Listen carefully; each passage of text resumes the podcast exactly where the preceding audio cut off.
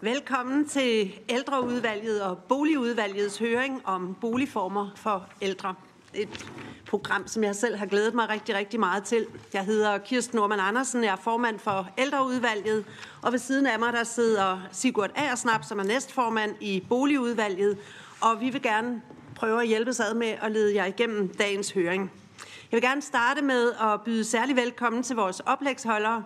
Det er dejligt, så mange af jer kunne være med, og mange tak for, at I har taget jer tid til at komme her i dag og prøve at gøre os klogere på et vigtigt emne. Også velkommen til medlemmerne af ældreudvalget og boligudvalget, og til alle jer tilhører, der er mødt op i dag, øhm, og til jer, der ser med derude. Vi er rigtig glade for, at I har lyst til at følge med i høringen. Før vi går i gang, så har jeg en opfordring til oplægsholdere og udvalgsmedlemmer, så vi kan sikre os en smidig afvikling af høringen, som bliver sendt på Folketingets tv. Af hensyn til lydkvaliteten i tv-optagelserne, så vil jeg bede om, at man tænder mikrofonen, når man får ordet, og husker at slukke den igen, når I er færdige med at tale. Og nu til indholdet i dagens høring. Det gode ældreliv kan ikke ses uafhængigt af et varieret boligudbud – der imødekommer de forskellige ønsker og tanker om et indholdsrigt og levende seniorliv. Det var også et øh, emne, der gik igen i en øh, høring, vi havde for nyligt i ældreudvalget om det gode ældreliv. Og boliger blev ved med at være et tema, som vi vendte, øh, vendte tilbage til. Og nogle af jer har også set øh, regeringens seneste ældreudspil, og der tror jeg også, at der er mange af os, der er enige om, at boliger bliver en, øh, en vigtig del af, af, af realiseringen af det.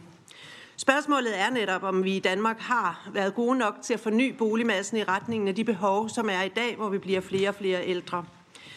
Et bedre og bredere boligudbud for den ældre øh, del af befolkningen vil kunne højne tilværelsen for den enkelte, men det vil også have en gavnlig effekt på resten af samfundet, når vi kan klare os længere tid i eget liv.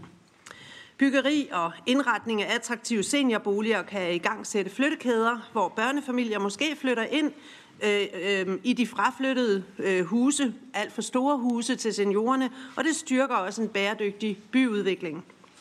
Høringen skal også ses i lyset af de kommende forhandlinger om en ny ældrelov, hvor frisættelse og lokalt ansvar bliver nogle af hovedtemaerne.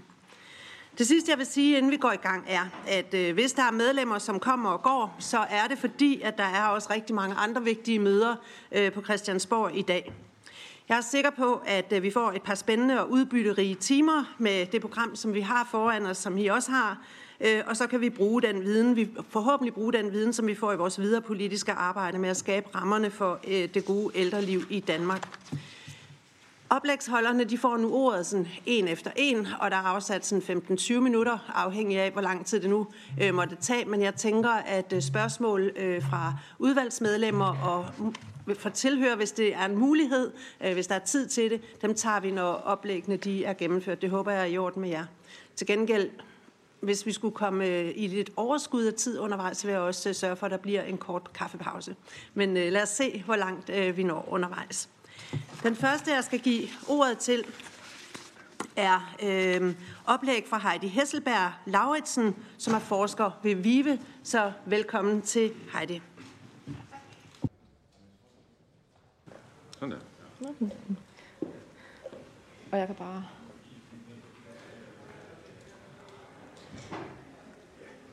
Sådan der.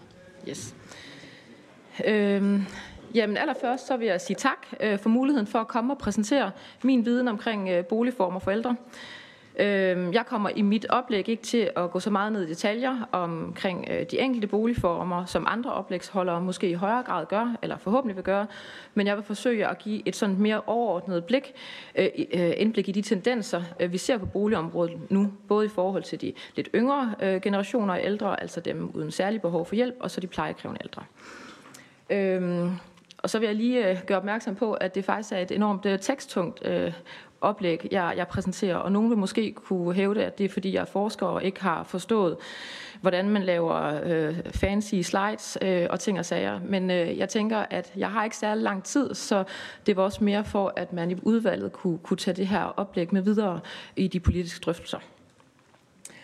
Øhm, jamen, som der er blevet sagt, jamen, så har boligen jo en stor betydning for de fleste øh, ældre mennesker, altså, eller de fleste mennesker. Men de umiddelbare fysiske omgivelser har en særlig stor betydning i voksenlivet, og, og hvad hedder det, eller i det sene voksenliv og i ældrelivet. Øhm, og man kan sige, alt andet lige, så er det en enormt stor forudsætning for, at man kan trives, øh, og at man kan klare sig øh, selvstændigt øh, og have det her gode hvad hedder det, ældre liv. Og det skyldes en masse forskellige faktorer, øh, men det kan jo blandt andet handle om, som Kirsten også sagde, det her med, at boligen simpelthen er blevet for stor.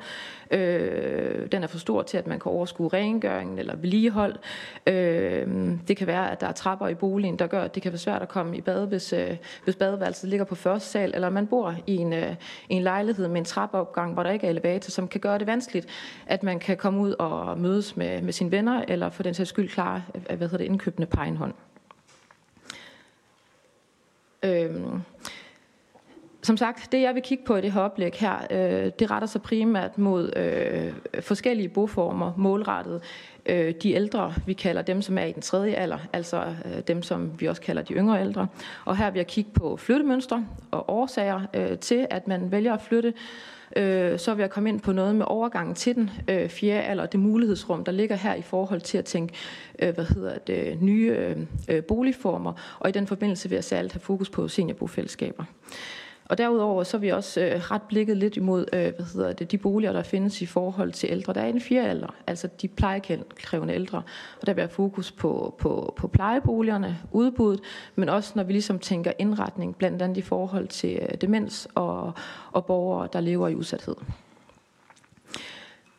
Øhm, det her er et slide, jeg egentlig vil gå lidt hurtigt igennem. Hvis vi kigger på de øh, boligtyper, øh, der er til ældre, jamen så hvis man er øh, ældre, og man ikke længere er i stand til at kunne klare sig i eget hjem, jamen så har man mulighed for at få tilbudt en bolig, der er indrettet specielt til ældre. Og det vil sige, at kommunen kan ligesom på baggrund af en øh, visitation af, af borgerens sådan helhedssituation, øh, hvad hedder det, anvist til forskellige former for boligtyper. Øhm, på den ene side, så kan man blive anvist til en ældrebolig, det vil sige, det er en bolig, der er indrettet til ældre med øh, funktionsnedsættelser. Øhm, I de her boliger, der er der typisk ikke tilknyttet fast personale, men altså man har mulighed for at få hjemmehjælp. Derudover findes der også den type, der hedder beskyttede boliger, Øh, de findes ofte øh, øh, på plejehjem eller i tilknytning hertil, og der ser vi tit, at der er fast personale tilknyttet os, øh, men i andre der er det ikke tilfældet, og der har man så etableret nødkald og så videre. Og den anden type af, af hvad hedder det, øh, boliger, jamen det er så det, vi kalder øh, plejeboliger. Jeg vil ikke gå ind i, øh, altså ind i, i det lovgivningsmæssige, men vi har det, der hedder plejehjemspladser, vi har plejeboliger og friplejeboliger. Og, og jeg vil ligesom i det, i det, jeg vil vise jer fremadrettet, sådan ligesom fokusere på den samlede boligmasse. Hvis vi kigger på, på, den, på den samlede boligmasse, hvor vi ligesom kigger på både ældreboliger og beskyttede boliger, så de har forskellige typer af, af plejeboliger, jamen så kan vi se, at fra 2010 og frem til 2021, hvor det er det sidste år, vi har kunnet trække de her tal her, jamen der er der er sket et, et fald i den samlede boligmasse på, øh, på knap 4 procent. Når vi så vender blikket i forhold til plejeboliger, jamen så kan vi i samme periode se, at øh, antallet af plejeboliger er faldet med, med 2%. Øh, og det skal jo ligesom ses i lyset af de demografiske udviklinger, hvor vi kan se, at antallet af 80 plusårige, altså de 80 plusårige, det er typisk dem, øh, der har de her plejebehov, der er, øh, hvad hedder det, der er den her gruppe vokset med 27 procent. Og hvis man ligesom kigger på dækningsgraden, hvis man kan opgøre den her på, hvor vi ser på, jamen, øh, per 1080 plusårige, øh, hvor mange boliger eller plejeboliger der så til rådighed, så kan vi se i 2010, der havde, var der 196 boliger per 1080 plusårige, og det er så faldet til, til 150 boliger i, i 2021. Øhm, og det er nok ikke nogen øh, øh, hemmelighed, øh, men snarere en kendskærning, at, at mange kommuner i dag er presset i forhold til det behov. Øh, det kommer ikke nødvendigvis til udtryk i, i, i længere ventelister, men vi ved, at mange steder det håndteres til med skærpet visitationskrav. Øh, så vi simpelthen står i en situation lige nu, hvor mange ældre med reelt behov for en plejebolig, de rent faktisk afvises. Og nu er det ligesom et, et, et lidt, lidt tænkt scenarie, men vi ligesom siger, at frem mod 2030, så ved vi, at der vil komme øh, en tredjedel flere ældre end dem, der er i dag. Og hvis vi så siger, at vi skal prøve på at holde plejeboligmassen konstant, uden vi ligesom tager højde for andre faktorer, der ligesom kan påvirke behovet, såsom øh, sund aldring, så vil vi faktisk stå i en situation øh, frem mod 2030, hvis vi ikke gør noget på det her område her, hvor vi vil være nede på 104 boliger per 1080 plusøje. Så alt andet lige, øh, så, så hvad hedder det, peger det i retning af, at man skal sætte ind i forhold til etableringen af nye plejeboliger. Og i forhold til etableringen af nye plejeboliger, jamen så noget af det, øh, hvad hedder det, jeg har med som, som særlige opmærksomhedspunkter, det er så det her med demens. Fordi demens det udgør en af de væsentligste årsager til, eller en af de hyppigste årsager til, at man øh, flytter på plejehjem. Faktisk bliver det angivet som en årsag i op til 55 procent af visitationssagerne. Øh, og det anslås, at op mod 80 procent af, af borgerne, der bor på et plejehjem, de lider af en demenssygdom. Øh, vi har en række undersøgelser, der viser, at den fysiske indretning på plejehjem, altså både i forhold til de fælles arealer, der er tilknyttet plejehjemmene, men også i borgerens egen boliger, de har betydning for den generelle trivsel og livskvalitet blandt øh, borgere med demens. Og hvis vi så kigger på, hvor mange øh, boliger øh, der er til de her, øh, øh til de her borgere her, Øh, jamen så i 2019, det er det, det sidste år, eller år, hvor vi har kunne opgøre de her tal her, jamen der kunne vi se, at øh, ud af den samlede boligmasse, så er det 6.400 boliger, der er angivet til at være indrettet til øh, personer med demens. Der kan så være et mørketal forbundet med det her, fordi at man i den bekendtgørelse øh, omkring mærkning af øh, demensegnede boliger øh, kun har forpligtet pleje, kun har forpligtet øh, hvad hedder det, plejebolig efter almenboligloven til at indberette de her tal, hvor det er mere frivilligt op til øh, plejehjem efter serviceloven og friplejeboliger efter friplejeboligloven at angive dem her. Men hvis vi så ligesom holder det op imod øh, de overordnede tal, så viser der sig faktisk ud af den her boligmasse på 44.000, der er 39.000 plejeboliger under almenboligloven. Og det svarer sig til, at omkring 16 procent af den her boligmasse, den er angivet som værende demensegnet. Så det vil sige, at alt lige Øh, også set i lyset af, at vi over, altså over de næste år vil se en stigning i prævalensen af demens i befolkningen, jamen så er det vigtigt, at vi også tænker demensvenlig indretning ind i etableringen af nye plejeboliger. I forhold til det sidste, jeg vil snakke om i forhold til øh, det her med plejeboliger, det er, at vi også får kigget på, øh, på øh, øh, behovet i forhold til, til udsatte ældre. Øh, nu har jeg, vi har lavet en undersøgelse for, for noget tid siden, hvor vi kiggede på, på udsatte ældre i hjemløshed, og der kan vi bare se, at der sker en massiv stigning i antallet af hjemløse ældre.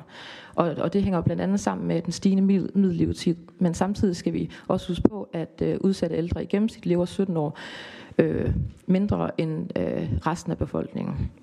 Og så som I kan se her, jamen, så er der jo fra 2009 øh, og frem til 2020, eller 2022 sket en, en massiv stigning i antallet af, af ældre, der lever i udsathed.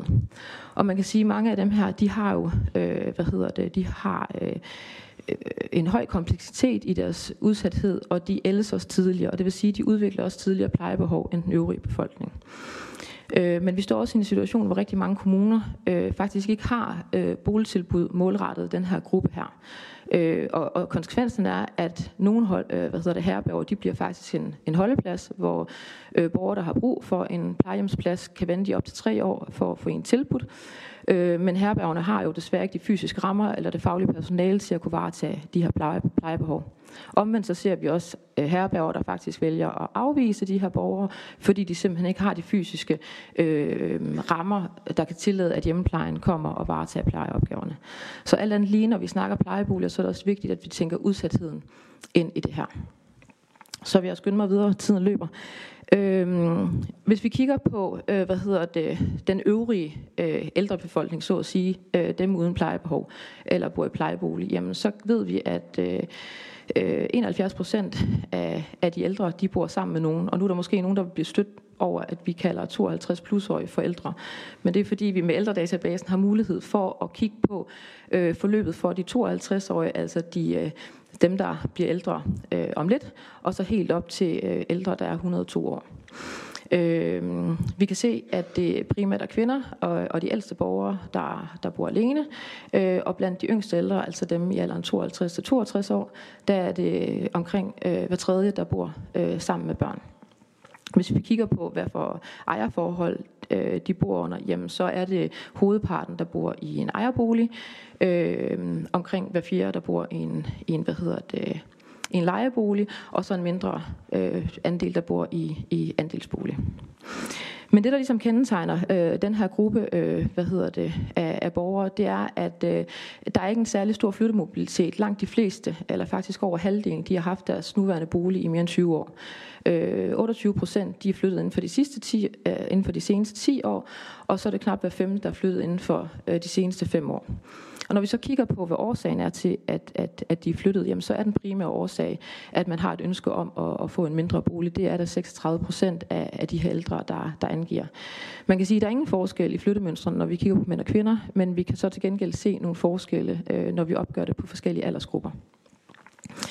Øh, når vi kigger på, på aldersgrupper, jamen, så kan vi se altså blandt øh, de, øh, de, de ældre, øh, altså de ældste ældre, altså dem i øh, alderen øh, 82 plus, jamen så er de primært flyttet for at få en mindre bolig. Øh, men det skyldes også, at man øh, vil slippe for havearbejde, man vil undgå besværlige trapper, og, og så simpelthen på grund af dårligt helbred. Mens det blandt de yngre også i høj grad skyldes at få en mindre bolig, men at det også hænger sammen med, at man ønsker at bo billigere og tættere på naturen. Hvis vi så kigger ind i, jamen, hvad er det for nogle øh, overvejelser, øh, ældre de gør sig om at, at flytte, og hvad er deres fremtidige boligønsker, så kan vi se, at det faktisk er lidt mere end hver femte, der overvejer at flytte inden for fremtiden, altså inden for de næste fem år. Øh, og man kan sige, at alt andet lige, så er flyttemobiliteten blevet større over tid, fordi da vi opgjorde det her tilbage i 1997, så var det faktisk kun 13 procent øh, af de ældre, der gik med, med flytteovervejelser. Og det tyder også på, at der ligesom er en tendens til, at øh, den ældre del af befolkningen i højere grad er begyndt ligesom at tilpasse deres boligbehov behov efter, øh, at de lever længere, og at mange har rigtig mange gode år ind i alderdommen. Når vi kigger på, på flytteovervejelserne, så hænger det meget sammen med, med, med det, vi så på det tidligere slides. Altså mange de ønsker, de har et ønske om at få en mindre bolig, øh, og for de ældste så skyldes det primært, øh, hvad hedder det, at man vil flytte på grund af et dårligt helbred, øh, og hvor det for, yngre, for, for de yngre handler om, at man ønsker blandt andet en, en mere moderne bolig, man ønsker faktisk at slippe for trapper og havearbejde og så videre, så man kan sige, no, nogle af de Øh, øh, hvad hedder det, årsager, vi så blandt de ældste ældre, det er faktisk noget af det, som de yngre øh, ældre gør sig overvejelser i forhold til at flytte i fremtiden. Når vi så øh, kigger på, øh, på jamen, hvad er der så egentlig er behov for, for nye boligformer, jamen, så kan man sige, at mange af de ældre de har jo boet øh, størstedelen af deres voksenliv øh, i den samme bolig, og flytter faktisk først i forbindelse med overgangen til en, øh, altså, til en ældrebolig eller en plejebolig, det vil sige, når plejebehovet opstår. Øh, Øh, men vi bliver også nødt til at tænke ind i, at vi skal skabe nogle mere attraktive øh, boformer, der dels kan, kan matche de ældres øh, behov, eller de forskellige livsfaser, der træder ind, og muligheden for at fremme et, et godt ældreliv. Blandt andet det her med at tage hensyn til, at man ønsker øh, en mindre bolig, ingen trapper, mindre have osv. Men derudover så handler det også om, at vi ligesom kan skabe nogle bedre præmisser for at kunne leve længere i eget hjem, og dermed også udsætte øh, behovet for en ældre, især en plejebolig. Og det vil sige, som det ser ud lige nu, jamen, så er der ligesom et mulighedsrum for, for, for nye øh, boformer, som ligger imellem det, vi kalder den der bolig, øh, familiebolig, som man bor i igennem mange år, og så ind til behovet for en plejebolig opstår. Og noget af det, vi kan se, der vinder frem, jamen det er, øh, hvad hedder det, interessen for, for hvad hedder det, seniorbofællesskaber, altså nogle nye, aldersvenlige og fællesskaborienterede boligformer. Øhm, og i ældredatabasen har vi også mulighed for at opgøre, hvor mange der, er, der egentlig er interesseret i at, at flytte i seniorbofællesskab. Og der kan vi se, altså blandt gruppen af ældre, der, der går med de her flytteovervejelser, der er det faktisk 36 procent, der er interesseret i at flytte i, en øh, seniorbofællesskab, øh, i et seniorbofællesskab. Øhm, og det anslås faktisk, at det er op mod 80.000 øh, ældre, der er interesseret i at flytte i sådan en boligtype.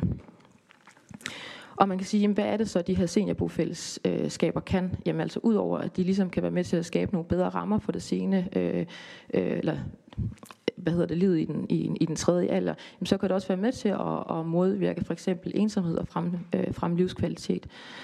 Øh, der er blevet lavet en undersøgelse, jeg mener, det er Realdania, der har lavet den, og der viser det faktisk, at 90 procent af de ældre, der er flyttet i, en seniorbo, øh, i et seniorbofællesskab, de oplever øget livskvalitet, og tilsvarende så er der 75 procent, der oplever bedre sociale relationer, efter de er flyttet i øh, hvad hedder det, den her type af bolig.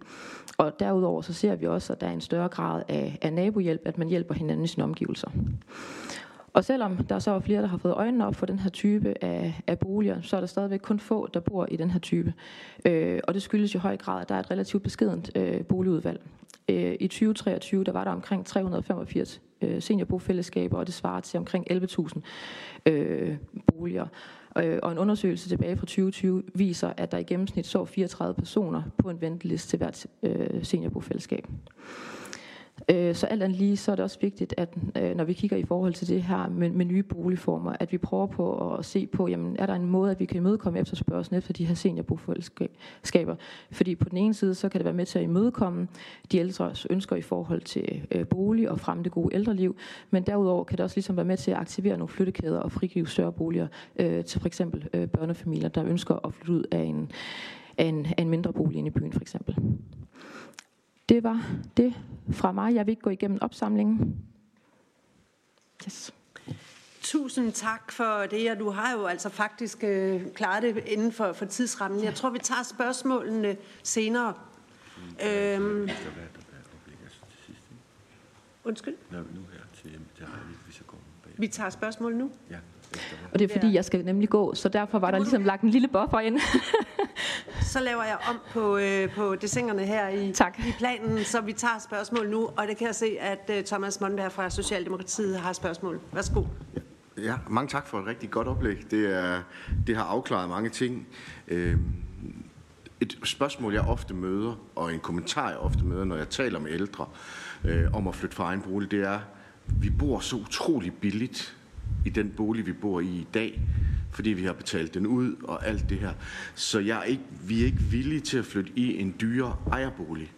Er, er det noget, I har taget med, eller du har taget med i din undersøgelse? Eller fordi jeg synes jo, det er, det er vigtigt, med, hvis man flytter 17 procent flytter på grund af økonomi, og, og gerne vil ned i noget mindre. Mm. Men hvis økonomien er så god i den ejerbolig, de har, fordi de har betalt den ud, så, så er der jo ikke et incitament til at flytte videre, og det er oftest det, jeg møder. Øh, fordi jeg ønsker jo faktisk netop, at, at man ikke skal gå og holde det her hus, at man netop skal bo med sociale fællesskaber og andet. Øh, det er jo oftest den, den, den måde, jeg indgår i debatten på, men, men de har det her med, at det er så billigt, og så kan de betale en havemand, og det kan de gøre for, for de her. Er det noget, I også har, har mødt i, eller du har mødt i undersøgelsen? Nej, det er ikke, det er ikke noget, vi, vi kan se øh, i vores, øh, vores undersøgelse på baggrund af ældredatabasen, og jeg håber om ikke andet, at det er noget, ældresagen kan, kan gøre, kaste mere lys ud over. Øh, vi ved, at det er en af de overvejelser, der handler om, jamen altså, vi vil gerne bo billigere. Samtidig kan vi også se, at den nye generation, eller blandt den nye generation af ældre, der er der en langt større grad, øh, eller der er der langt flere ældre, der har en bedre økonomi, end den gruppe ældre, vi ser i dag. Men det er jo ikke ens betydende med, at vi også skal tænke, øh, altså udbuddet skal, skal ramme den samlede øh, gruppe af ældre, og stemme uden øh, god økonomi. Og så er der også lige et spørgsmål fra Heidi Bank fra Venstre. Værsgo. Ja, tak for det, øh, og tak for, for at sætte så mange data på. Øh, Jeg spekulerede på, om øh, nu, nu er det det her i forhold til seniorbofællesskaber, hvor at, der er en oplevelse af øget, øget livskvalitet. Ja. Hvordan i forhold til de borgere, som, som vælger at gå for f.eks. hus og have og, og, og de øh, ting, det giver, øh, og så flytte i noget mindre, fordi de faktisk tænker, nu skal jeg have lidt, altså lidt mindre, jeg har ansvar for. Øh, oplever de den livskvalitet, som de forestiller sig? Eller, eller er det noget at gøre med timingen? Altså hvornår? Og jeg spørger, fordi jeg egentlig har en civil baggrund som ejendomsmaler, og jeg har, jeg har stået med mennesker, som, øh, som måske nogle gange fik lavet skiftet, har jeg oplevet for tidligt. Så jeg tænker lidt, er der noget, I kan fortælle om? Hvornår er det det rigtige tidspunkt for rigtig mange mennesker? Altså, hvad, hvad, hvornår skal man gøre det? Altså det har vi i VIVE ikke lavet undersøgelser om endnu. Altså man kan sige, at det er jo også et forholdsvis nyt forskningsfelt for os, så det er jo noget af det, vi gerne vil kigge ind i. Altså nu er der noget, der peger på, at det fremmer livskvaliteten og, og, og glæden og, og skaber større, hvad hedder det, øh, sociale netværk. Men det handler jo, som du siger, også omkring timing, og det er i hvert fald noget af det, vi gerne vil kigge nærmere på. Tak for det. Men der, der, de slides, der er til, ja. til høringen, øh, de kommer senere. Jeg har, jeg har selv et, et nysgerrigt spørgsmål i forhold til borgere med demens, øh, mm. som, som også åbenlyst fylder rigtig meget på pleje. Men har vi bygget forkert? Øh, altså har vi kommet til at bygge plejeboliger til ressourcestærke eller forholdsvis kognitivt stærke ældre, som kan have gavn af meget velfærdsteknologi? Og har vi ligesom glemt at indrette plejeboligerne til flere og flere borgere med, med demens? Og er der en tendens til, at nogle plejehjem i højere grad bliver til borgere med demens, mens at øh, kognitivt velfungerende, men fysisk svækkede ældre kommer til at bo øh, for sig selv, eller kommer til at bo i, i seniorboliger i stedet for? Altså, sker der en, en, en forandring her? Jamen, om vi har bygget forkert, det synes jeg er svært at sige. Man kan sige, at øh, plejehjemmene øh, i den traditionelle forstand efter serviceloven, de bliver langsomt udfaset, og det gør de jo af mange grunde, også fordi at mange af dem er, hvad hedder det, utidssvarende. Øh, man kan sige, man har jo tænkt, pleje, øh, hvad hedder det, demens ind på rigtig mange, øh, altså ind i, hvad hedder det, øh, plejeboligmassen, men det har jo typisk været i forbindelse med, at man så har oprettet et skærmet afsnit øh, særligt for demente. Man kan bare sige, at, at der er bare, altså, der er bare flere borgere, der lever med demens i dag, øh, end der gjorde tidligere, og, og det vil, altså det vil fremad, fremadrettet øh, være endnu flere. Ikke? Så man kan sige, jeg tror ikke nødvendigvis, man har bygget forkert, men man skal bare være mere bevidst om det fremadrettet, at det, det fylder, og det er en af de væsentligste årsager til at flytte på plejehjem. Vi når lige et sidste hurtigt spørgsmål fra Karina Adspøl fra Danmarksdemokraterne. Værsgo. Ja, og tusind tak for et inspirerende oplæg. Jeg har bare lige et spørgsmål i forhold til seniorbo fællesskaberne. Netop i forhold til, der står jo så mange på venteliste, øh, og øh, der er jo virkelig, kan man sige, efterspørgsel på det. Er der nogle lovgivningsmæssige barriere i forhold til oprettelse af seniorbofællesskaber? Det er jeg slet ikke i tvivl om, der er. Men øh, det lovgivningsmæssige er jeg ikke inde i, og hvad hedder det, desværre. Men, men der, er nogle, der er nogle rammer, øh, der skaber nogle uhensigtsmæssige strukturer i forhold til at få etableret de her øh, bofællesskaber. Tusind tak øh, til Heidi Hesselberg Lauritsen, forsker ved VIVE, for et rigtig interessant øh, øh, oplæg øh, til, og også inspiration til vores videre arbejde. Skal vi ikke give Heidi en hånd?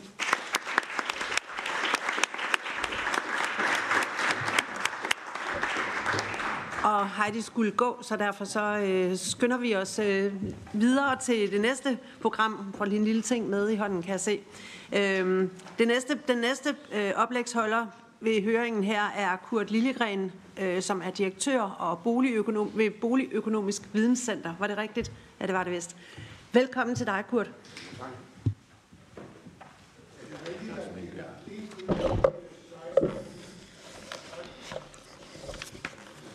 Jeg, jeg, jeg svarer lige øh, til salen også. De slides, der bliver vist ved høringen i dag, de vil også kunne ses efterfølgende øh, på Folketingets hjemmeside, så alle får adgang til dem.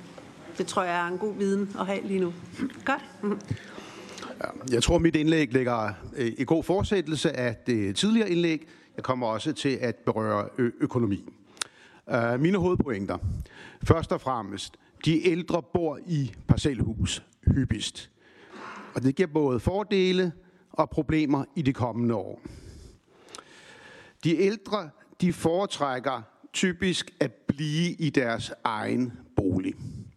Og selvfølgelig er der mange, der kommer til at få problemer uanfægtet deraf.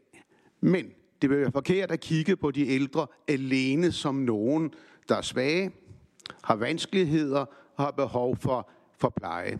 Der er rigtig mange ældre, som er ressourcestærke, og som ikke føler, at det er en byrde at være i deres bolig. I samfundet vil vi godt have, at de flytter lidt hyppigere. Vi vil godt have gang i flyttekæder. Vi vil godt have de unge ind i deres bolig. Men vi skal jo lige huske, at vi skal have de ældre med. Og en af årsagerne til, at ældre ikke flytter, det er, at der i deres nærområde er mangel på boliger, der passer til deres behov. Lidt mindre boliger, boliger især med en mindre have, og ældre flytter mindre end yngre, især de mellemkommunale flytninger, de falder markant med alderen. De intrakommunale flytninger, det er noget andet, men man flytter ikke langt. Og det er relativt få ældre, der for eksempel har lyst til at flytte ind til en by. Det har vi undersøgt tidligere.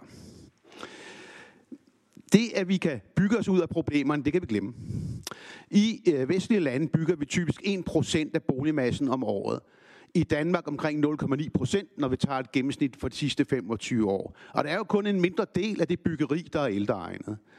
Så med den hastighed, vi nu bliver ældre i vores samfund, så vil byggeriet ikke kunne følge med uanset hvad vi gør. Og derfor er det vigtigt at holde fokus på den helt overvejende ældrebolig. Fremtidens ældrebolig, det er de boliger, vi bor i i dag. Og det betyder, at fremtidens ældrebolig langt hen ad vejen er parcelhuset. Og derfor så er det vigtigt ikke kun at kigge på nybyggeri af hele boliger, men også på, hvordan kan vi transformere de boliger, vi bor i, til at være mere ældreegnede. Og det er meget, meget billigere end at bygge nye boliger.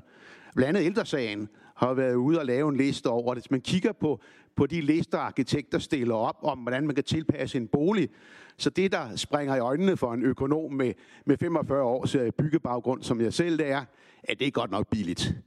Det burde ikke koste en herregård. Og hvorfor gør vi det så ikke? Det skal vi være bedre til. Vi skal udvikle modeller, målrette de forskellige typer af huse, vi har.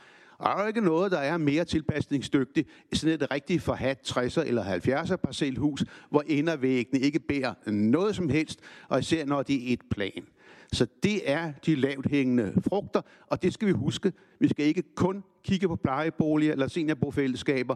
Vi skal også kigge på den store masse af ældreboliger, som i virkeligheden bare er de boliger, vi alle sammen bor i, vores nuværende boliger. Vi skal se på, hvordan vi finansierer boliger til de ældre. Når de flytter, har det en betydning. Hvor stort et lån kan de få? hvis de vil ombygge deres bolig, hvis de skal energirenovere den i fremtiden, så er det vigtigt, om de kan gå ned i banken og få et lån, eller om de bliver afvist. Og nu tidligere har vi haft en grænse på 60 år.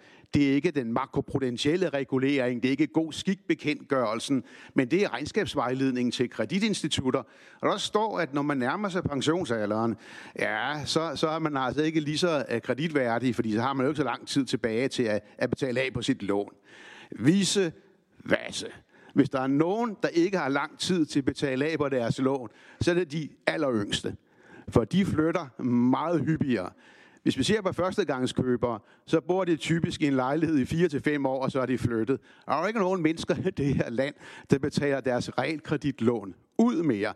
Det er en saga blod. Og derfor er der jo ikke nogen grund til at kigge på lån ud fra, at de ældre skal kunne tilbagebetale dem.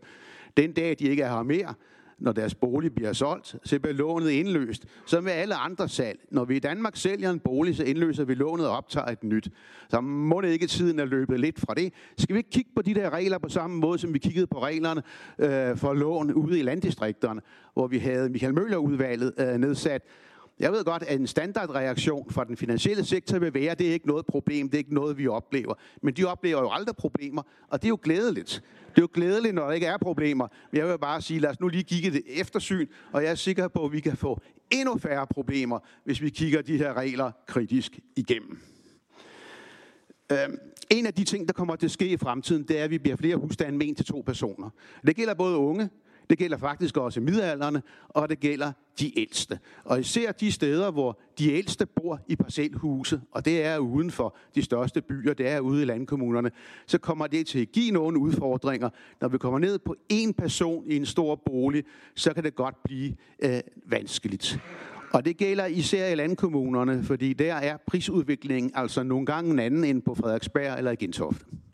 Og det tyder også, at det er lidt sværere at komme ud af sin bolig. Der har lang liggetid, og der er ikke den samme friværdi. Vi bliver nødt til at kigge på boligmarkedet og de ældre i et land-by-perspektiv. Det skal vi ikke glemme. Der er altså desværre noget geografi inde i det her, der forbistrer tingene. Hvis man skal have råd til at, at øh, købe sig ind i et nyoprettet seniorbofællesskab, så har man bedre muligheder, hvis man bor i Nordsjælland, end hvis man bor i Sydjylland. Um, endnu en ting, og ligger, ligger i direkte øh, forlængelse af øh, det tidligere indlæg, der uanset hvordan vi vender drejer det her, så kommer vi ikke uden om plejeboligerne. Fordi antallet af ældre over 90, det stiger markant mere end antallet af ældre over 80 eller over 70. Øh, og det er nærmest en uhyggelig stigning, vi ser øh, i øjnene. Det skal jeg komme ind på om et øjeblik i prognoserne. Men det presser sig altså på øh, uanset hvor gode vi bliver til at behandle i fremtiden funktionsnedsættelser, så er det her ikke noget, vi kan tale eller behandle os ud af. Stigning er simpelthen for stor. Her ser vi et øh, diagram over øh, tre kategorier ældre, når vi kigger på folk fra 50 til 70, det er der, vi stadigvæk har ressourcer, der kan vi godt overveje at flytte i et seniorbofællesskab. Der ser vi jo nu, at der er en større tendens til, at man er parat til den slags ting.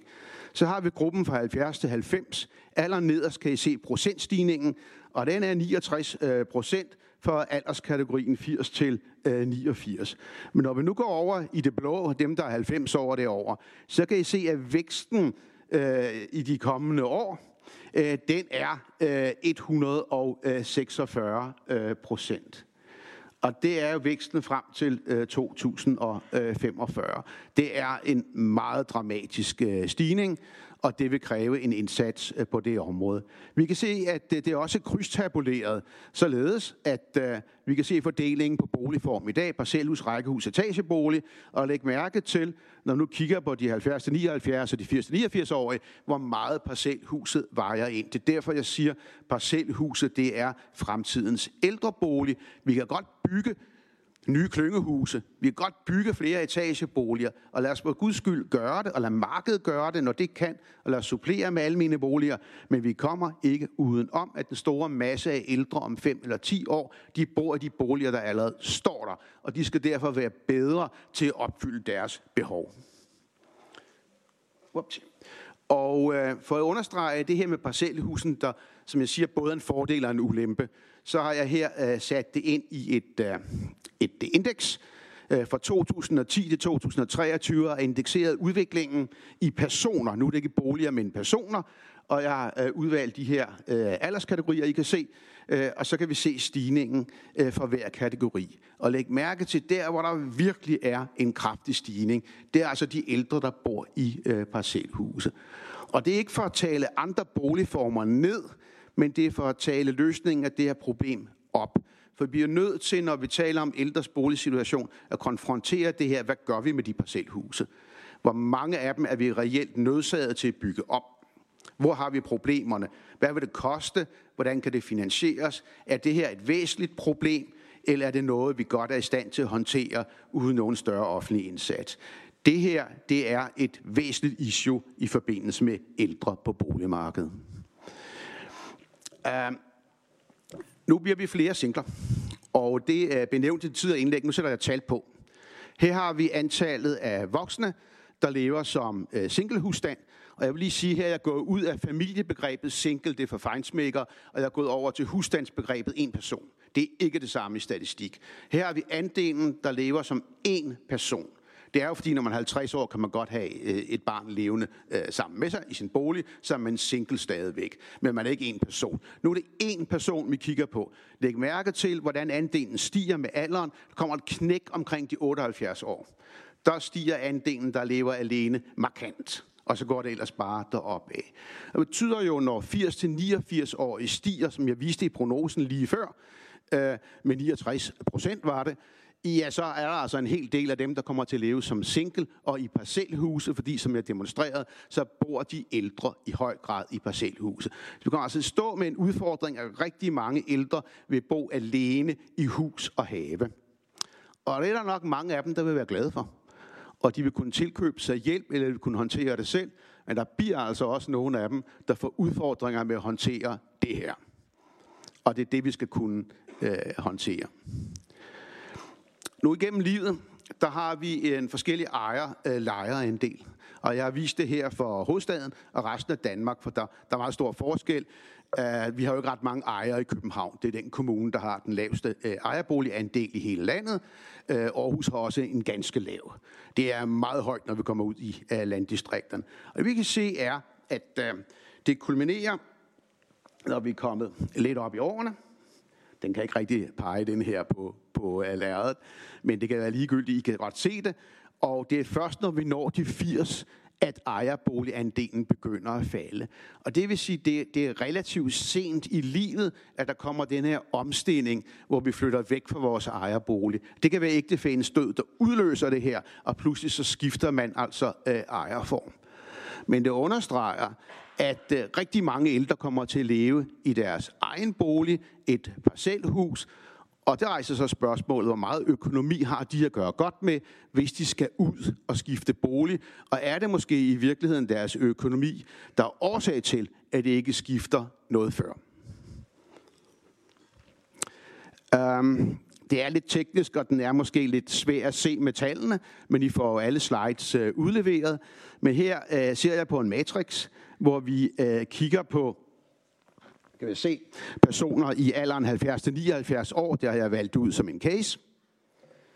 Og øh, så krydstabulerer vi antallet af værelser med husstandsstørrelsen i personer, så vi kan se, hvordan de ældre de fordeler sig på, om de altså er mange, der bor småt, eller mange, der bor stort, eller en person, der bor stort.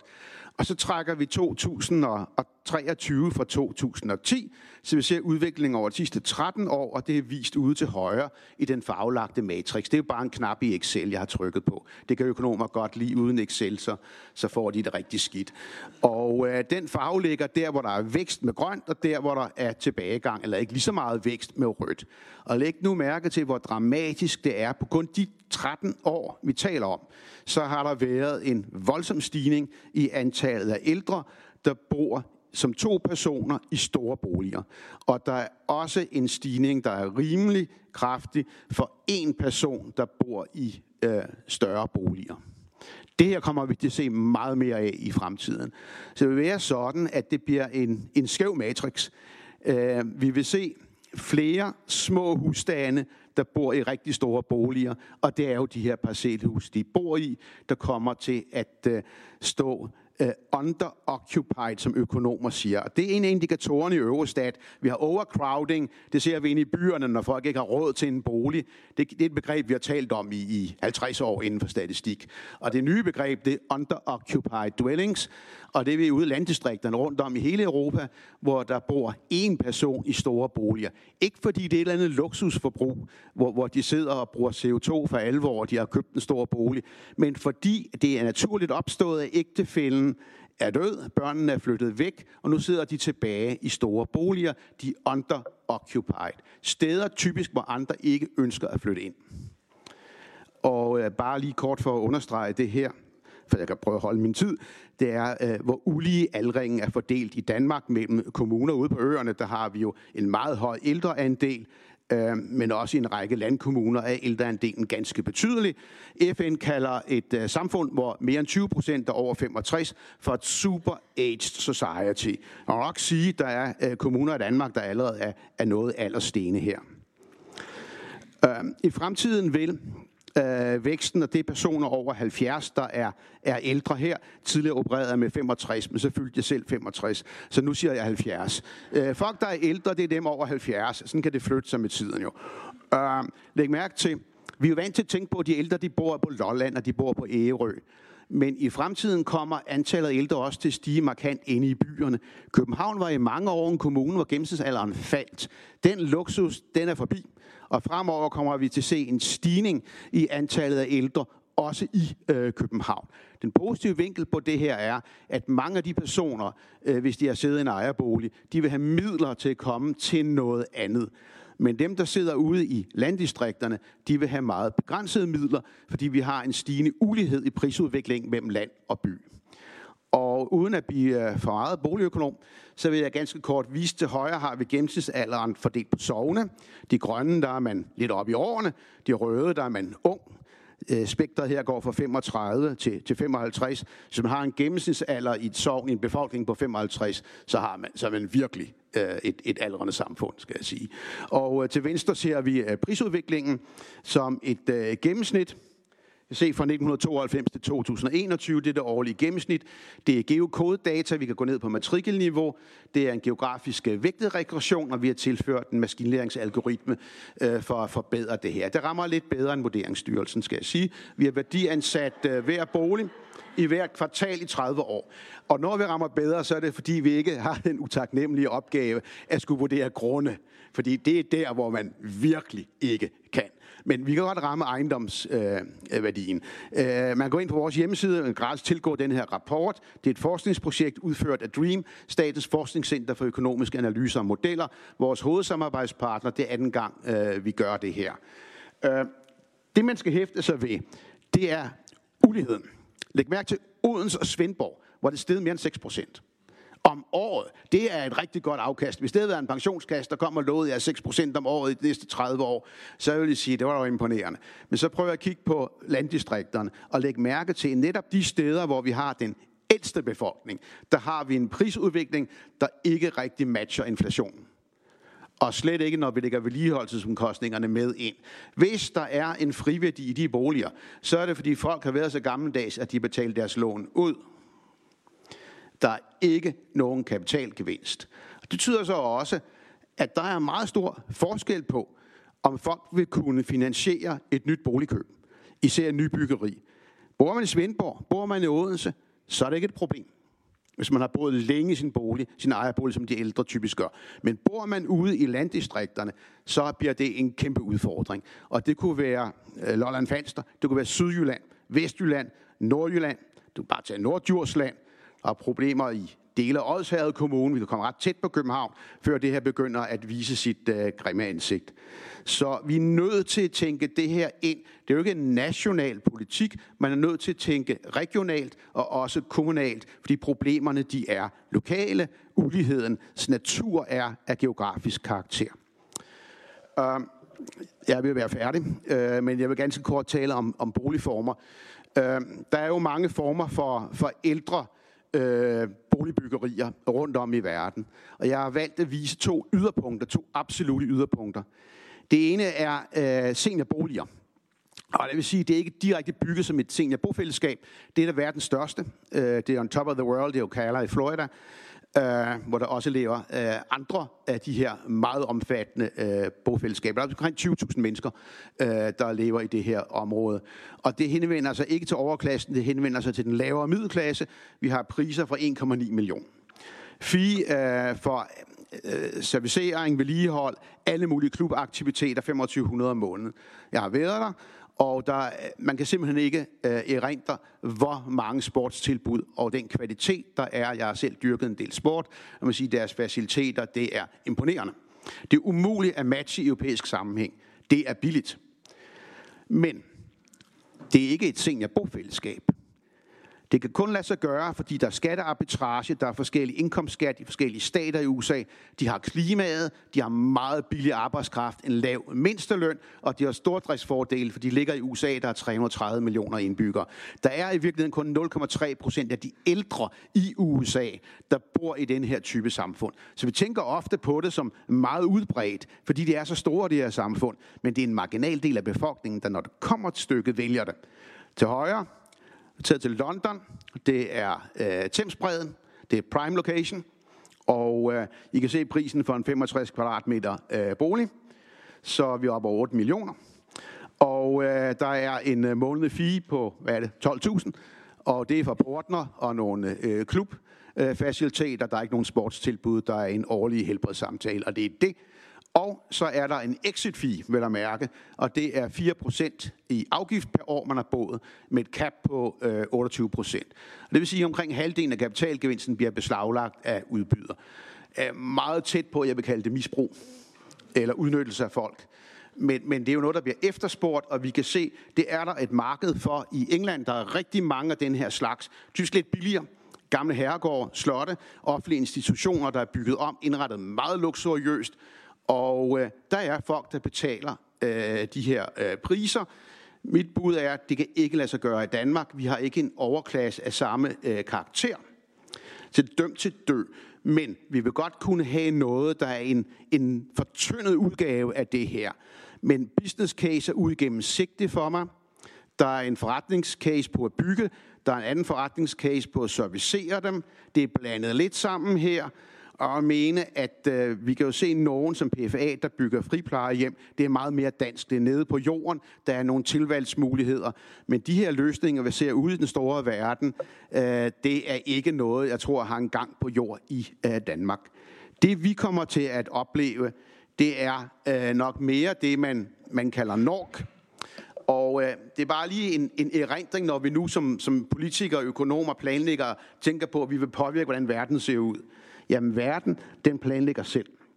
Og I kan planlægge nogle udvalgte bebyggelser. Men mens I gør det, så går markedet og samfundet i gang. Og så opstår der ældre samfund. Det kalder man et NORC, Natural Occurring Retirement Community. Og det betyder, at folk de bliver ældre, fordi de engang valgte at bo et sted, hvor der var billige boliger. Eller alle de unge, de er flyttet væk. Og lige pludselig har vi et samfund, hvor der er en hel masse ældre, der bor, men det er jo ikke noget, de har valgt selv at blive ældre sammen. Det er opstået. Og det er ikke nødvendigvis en positiv oplevelse. I kan rejse rundt i landdistrikterne i, i Litauen, i Baltikum for eksempel. I kan tage til nordlige Japan, men de er også på vej i Danmark, som jeg viste før med sovnene.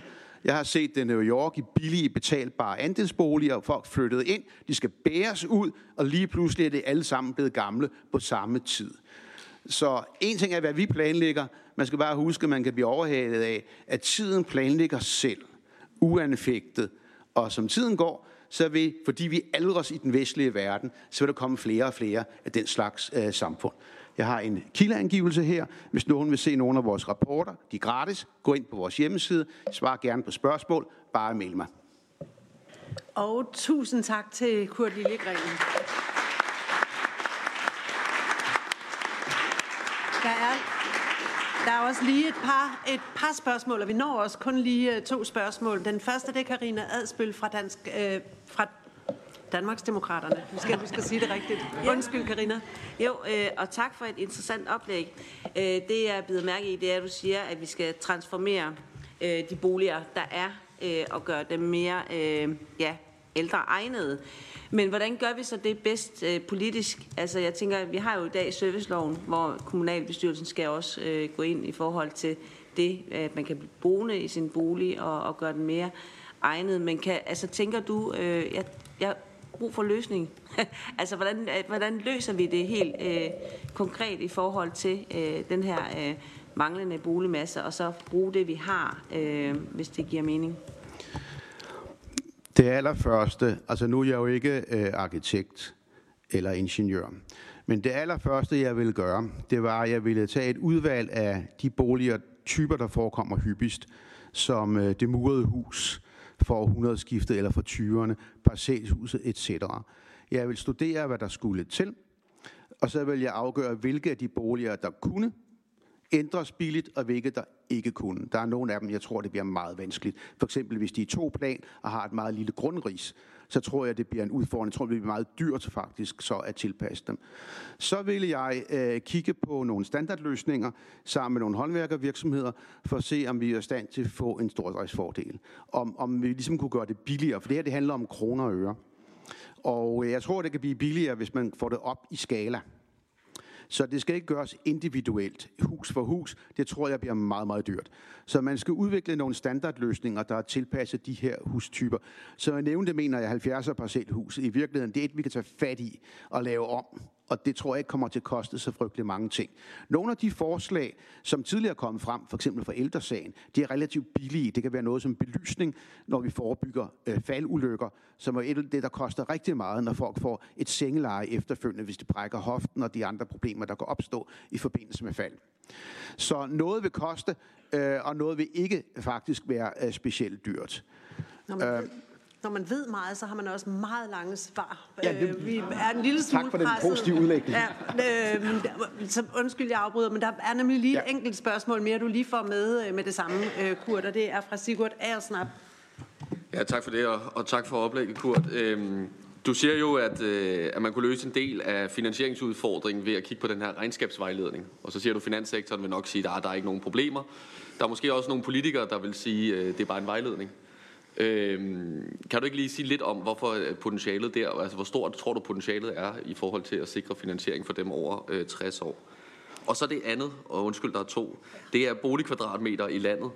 Øhm, du siger jo, at når de ældre bliver boende øh, i længere tid i deres bolig, så skal vi omdanne den, men vil der ikke mangle samlet set boligkvadratmeter? Altså når øh, vi har jo stadig nogle familier, der så ikke har parcelhus, de kan flytte ind i. Og måske kan man svare meget kort på det den her gang. Vi er lidt presset på tid, undskyld. Øh, regnskabsvejledningen er ikke øh, bindende. Det er ikke en lånevejledning. Det er en vejledning om inddeling af kunderne i bonitet.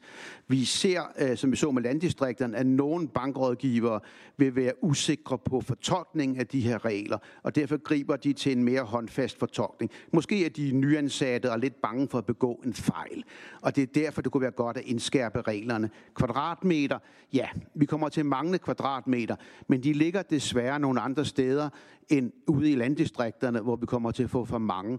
På Lolland er 14 procent af alle helårsboliger i dag uden tilmeldt CPR, Øh, hvis vi går på Ærø eller Langeland, der kommer vi markant højere op.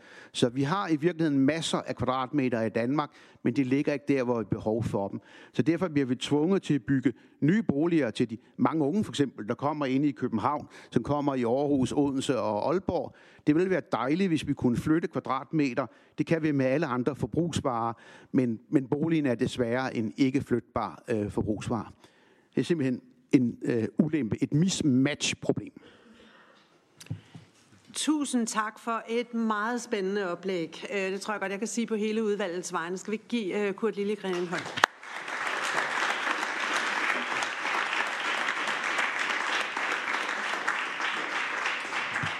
Og undskyld, at øh, jeg presser lidt på tiden. Jeg har lige sløjfet pausen, det siger jeg bare. Så hvis der er nogen, der har brug for at gå for sig selv, eller øh, har brug for lidt vand, så må man bare lige så stille trække over og hente det øh, herovre ved siden.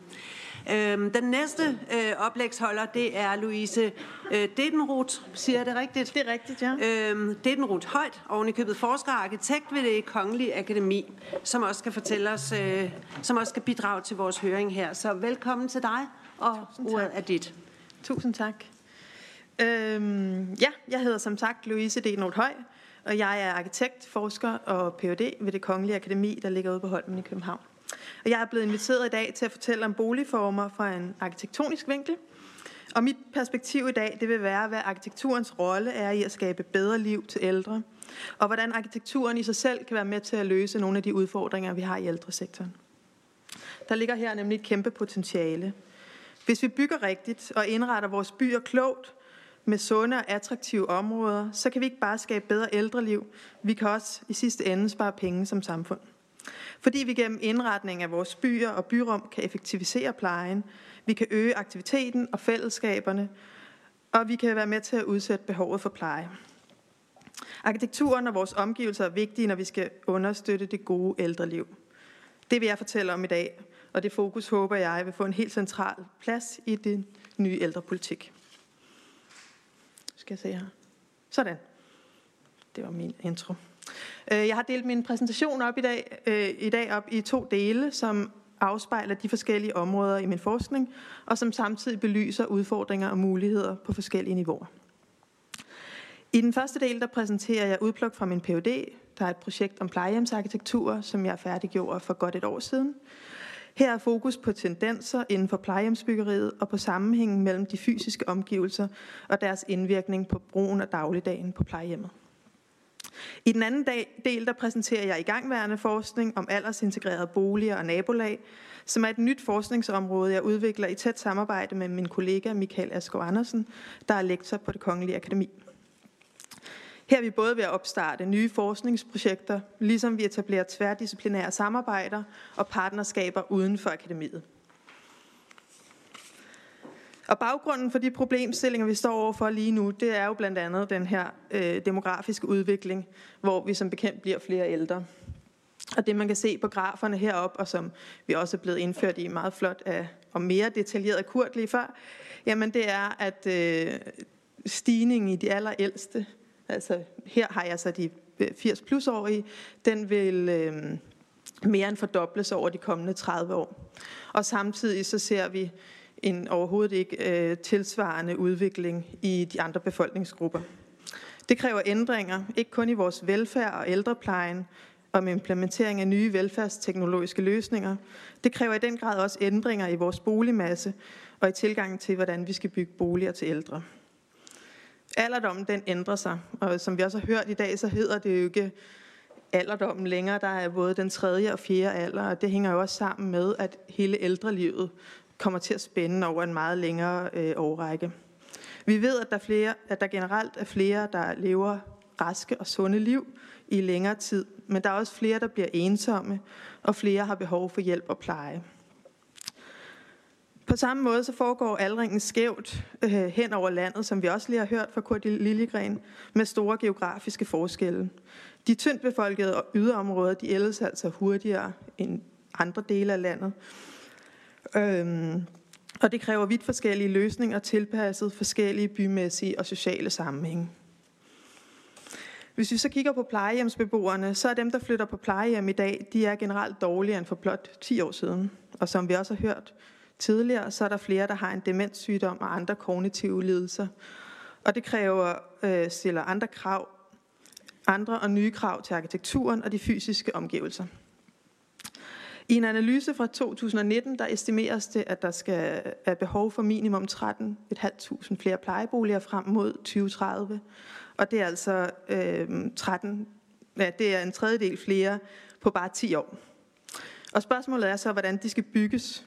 Om der skal findes helt nye måder at løse udfordringerne, udfordringerne på, også i det byggede miljø, hvor ældre, ældrelivet blandt andet anskues i en langt større sammenhæng.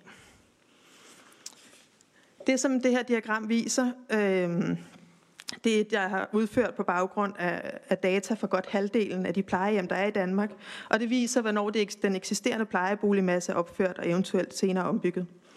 Og det vi kan se her, det er, at den første top, den, viser, den øh, kommer i 60'erne og 70'erne, efter at den øh, plejehjemmet, som indføres som ny model, øh, med den stigende ældregruppe i efterkrigstiden og det her følgende øget plejebehov. I 80'erne der sker der så noget øh, i politikken, hvor man, ad, hvor man adskiller øh, bolig og pleje, og der kommer også et stop for de her øh, plejehjem, som man byggede. Øh, så sker der noget igen i øh, 90'erne. I 1996 der kommer plejeboligreformen, og der indfører man så det moderne plejehjem, eller plejecenter, som også er den model, vi kender fra i dag, hvor man opfører øh, plejeboliger med fællesareal tilknyttet, og hvor der er serviceareal til, øh, til plejepersonale. Øhm, og i den her periode fra, fra 90'erne, midt 90'erne til i dag, der sker der altså både en opgradering af de eksisterende rammer, som er de, er de røde bobler, man ser heroppe, og så er der også en stor mængde nyopførsler, som er illustreret ved de blå bobler. De her plejehjem de er altså opført som forskellige modeller og har overordnet set også mange forskellige størrelser og udtryk. Men selvom tilgangen har udviklet sig, så er de generelt set præget af en institutionstankegang. Med de her meget lange gange, og hvor store fællesrum skal danne ramme om hverdagsaktiviteter for en stor gruppe beboere. Jeg har gennem mit arbejde, både som forsker, men også tidligere som rådgiver, været rundt på mere end 50 plejehjem øh, forskellige steder i Danmark, og det er sådan her en rigtig stor del af de plejehjem, vi har, de ser ud. I min Ph.D. der har jeg plejehjemsarkitektur både i et historisk perspektiv, men særligt også med fokus på nutidigt byggeri. På tendenser i arkitekturen i forhold til at adressere brugernes forskellige behov og udfordringer, særligt med fokus på mennesker med demens. Projektet er bygget op omkring case-studier af ni plejehjem og to dagcentre i Danmark, øh, i Danmark og i udlandet, og baseret på feltstudier med interviews, observationer, samt studier og analyse af forskellige tegningsmateriale og dokumenter. Projektet det fungerer på en måde som en form for en kortlægning af plejehjemsarkitekturen i dag, og derfor er der også inkluderet mange forskellige plejehjem og miljøer. Jeg har været meget optaget af plejehjemmet som både hjem og et sted for pleje. Et sted, der skal varetage mange forskellige behov, og de gnidninger, det skaber i udviklingen af projekterne, i arkitekturen og i den efterfølgende brug. Og hvor der her har vi så meget stor forskel på, hvornår det lykkedes godt, og hvornår det lykkedes mindre godt. En stor tendens i nuværende plejehjemsprojekter, øh, når der bygges til mennesker med demens, det er at skabe små boliggrupper, hvilket også er blevet en del af generelle anbefalinger og designguides. Tanken er, at det kan understøtte små nære fællesskaber og give tryghed, tryghed, hvor der ikke er så mange mennesker at forholde sig til, og hvor størrelsen og atmosfæren kan minde om noget, beboerne kender fra tidligere, og på den måde skabe en form for hjemlighed. En væsentlig pointe for min forskning, det er, at der er stor forskel på, hvordan de små fællesskaber fungerer, og at organiseringen af boliggrupperne og plejen samt personalets hverdag spiller en helt central rolle, ligesom indretning, materialer og dagslys. Her der er to boliggrupper fra forskellige plejehjem. Begge små boliggrupper med henholdsvis 6 og 7 beboere. Men der er meget stor forskel på, hvordan hverdagen fungerer de to steder, og på, hvordan medarbejdernes hverdag er organiseret. På eksemplet, vi ser her til venstre, der er der samlet to boliggrupper i et naboskab, og der har intentionen været, at en del af køkkenet er placeret ude i fællesrummet, mens man så har et et fælles køkken, placeret øh, bag lukkede døre mellem to naboskaber. Men funktionen af det bliver i praksis, at en stor del af medarbejdernes hverdag foregår væk fra beboerne, ligesom at beboerne også ofte bliver samlet på den ene side, og der på den måde også kan være langt til fællesskabet for nogle beboere. Det kan være svært at finde nogen andre. Og især også fordi, at de beboere, vi snakker om, ofte er meget skrøbelige. Som en af de pårørende sagde i et interview, så er den lille gruppe utrolig sårbar overfor, hvis der er mandefald. Så det er også en overvejelse. På det andet eksempel, der er boligerne også organiseret som en lille boliggruppe omkring et centralt fællesrum.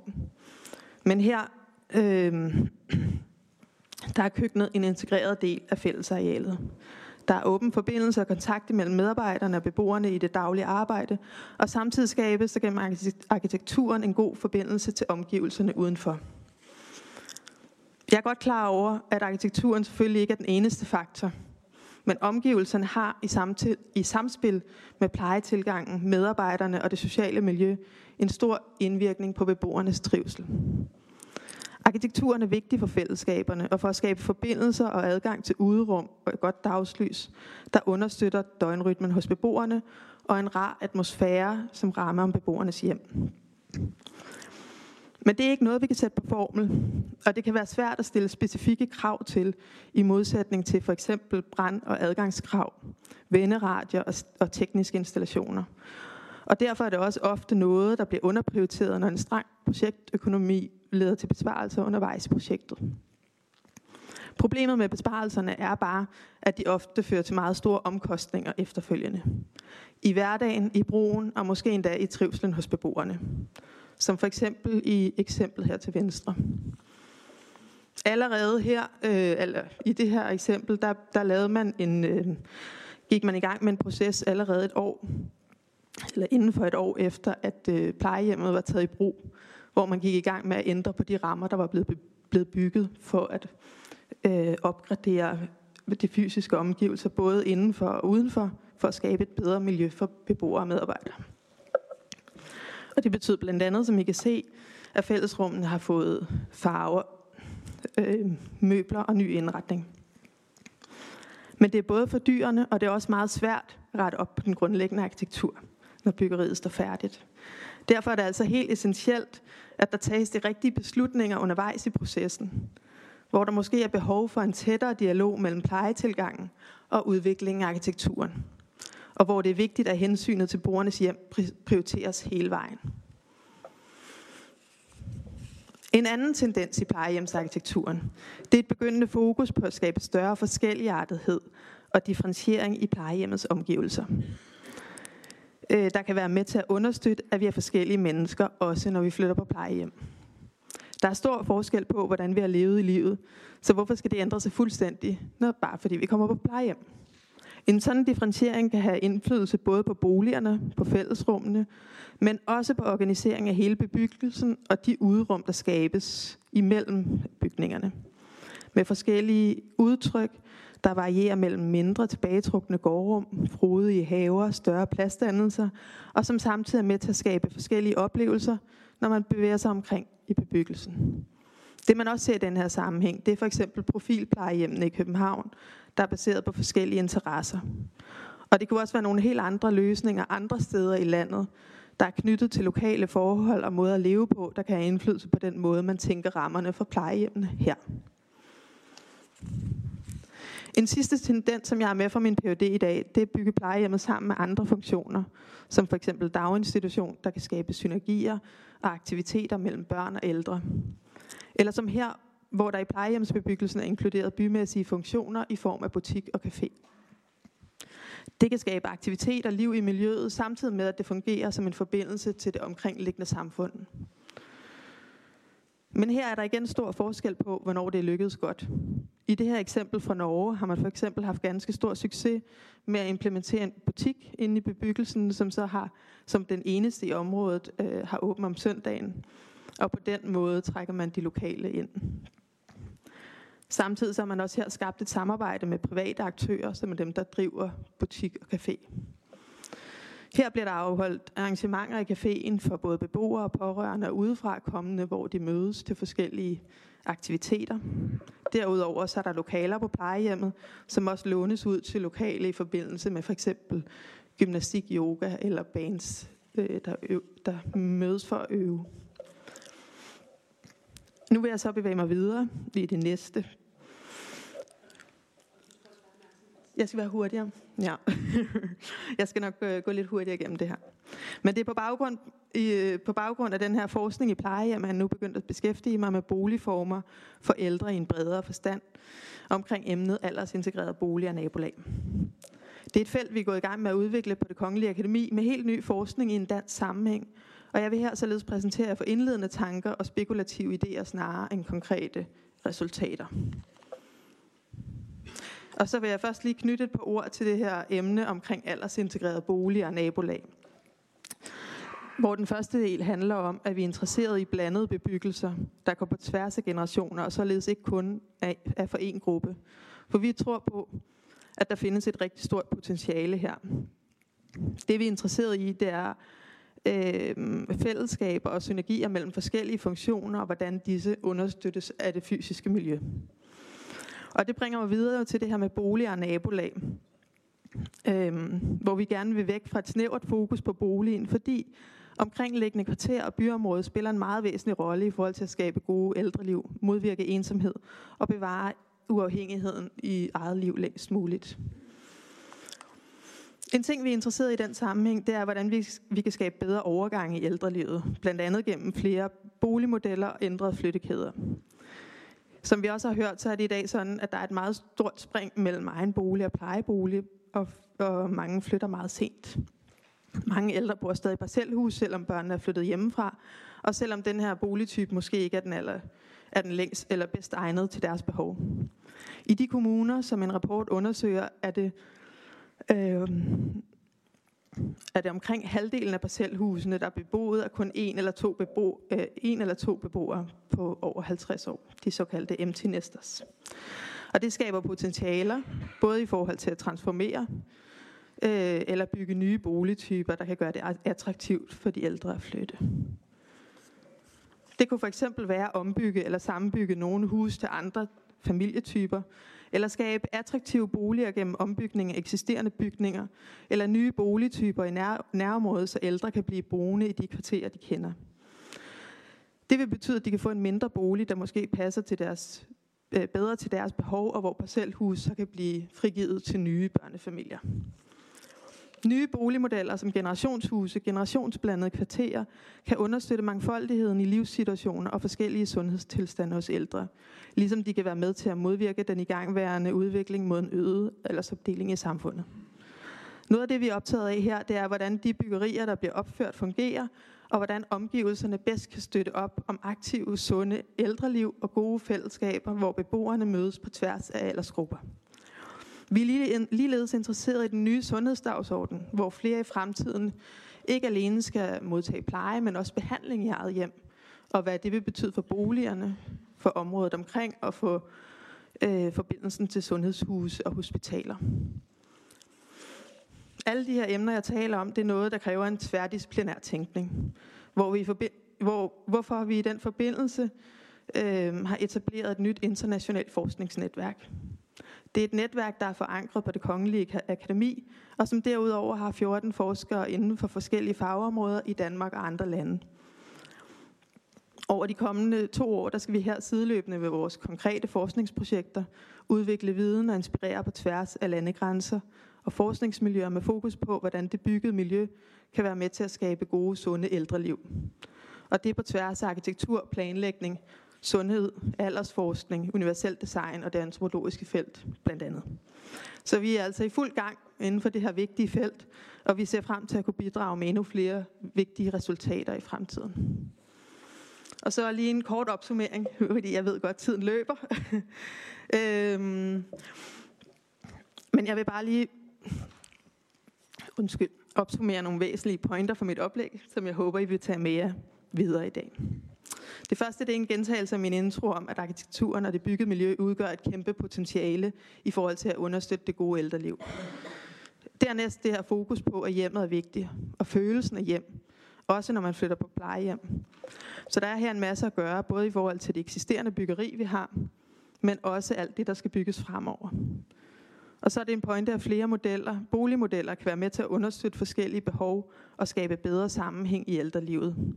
Vi er forskellige mennesker, og det bør også afspejles i det, der bliver bygget.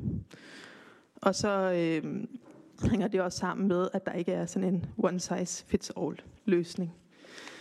Der er behov for en masse forskning, der kan kvalificere det, vi bygger, så vi får mere viden om, hvordan aktiviteter og placering af mødesteder fungerer, hvem der benytter sig af tilbudene og hvorfor. Adgangen til sundhedstilbud, indkøbsmuligheder og hvilken betydning det har for trivsel, sundhed og livskvalitet. Og det vil vi gerne bidrage med med vores forskning på det Kongelige Akademi. Så slut, og tusind tak for ordet.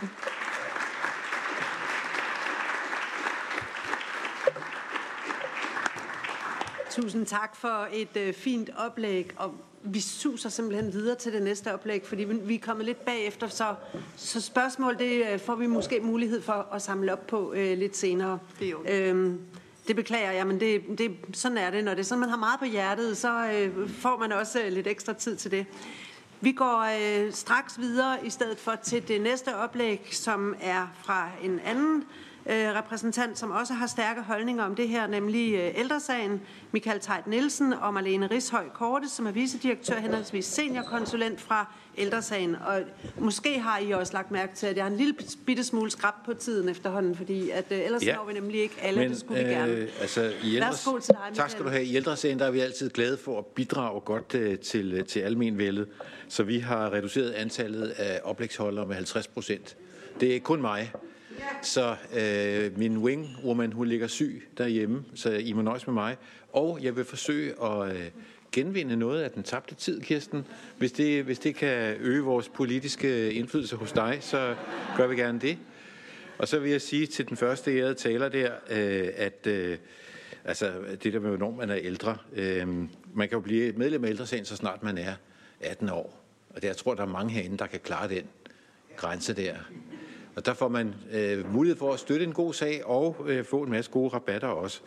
Men øh, ja, inden jeg går i gang med mine øh, slides, som jo kommer derop om et øjeblik, ved jeg. Ikke sandt? Jeg skal bare trykke. Ah. Så, ja, her kommer jeg. Øh, så vil jeg lige kort følge op på nogle af de ting, der er blevet sagt.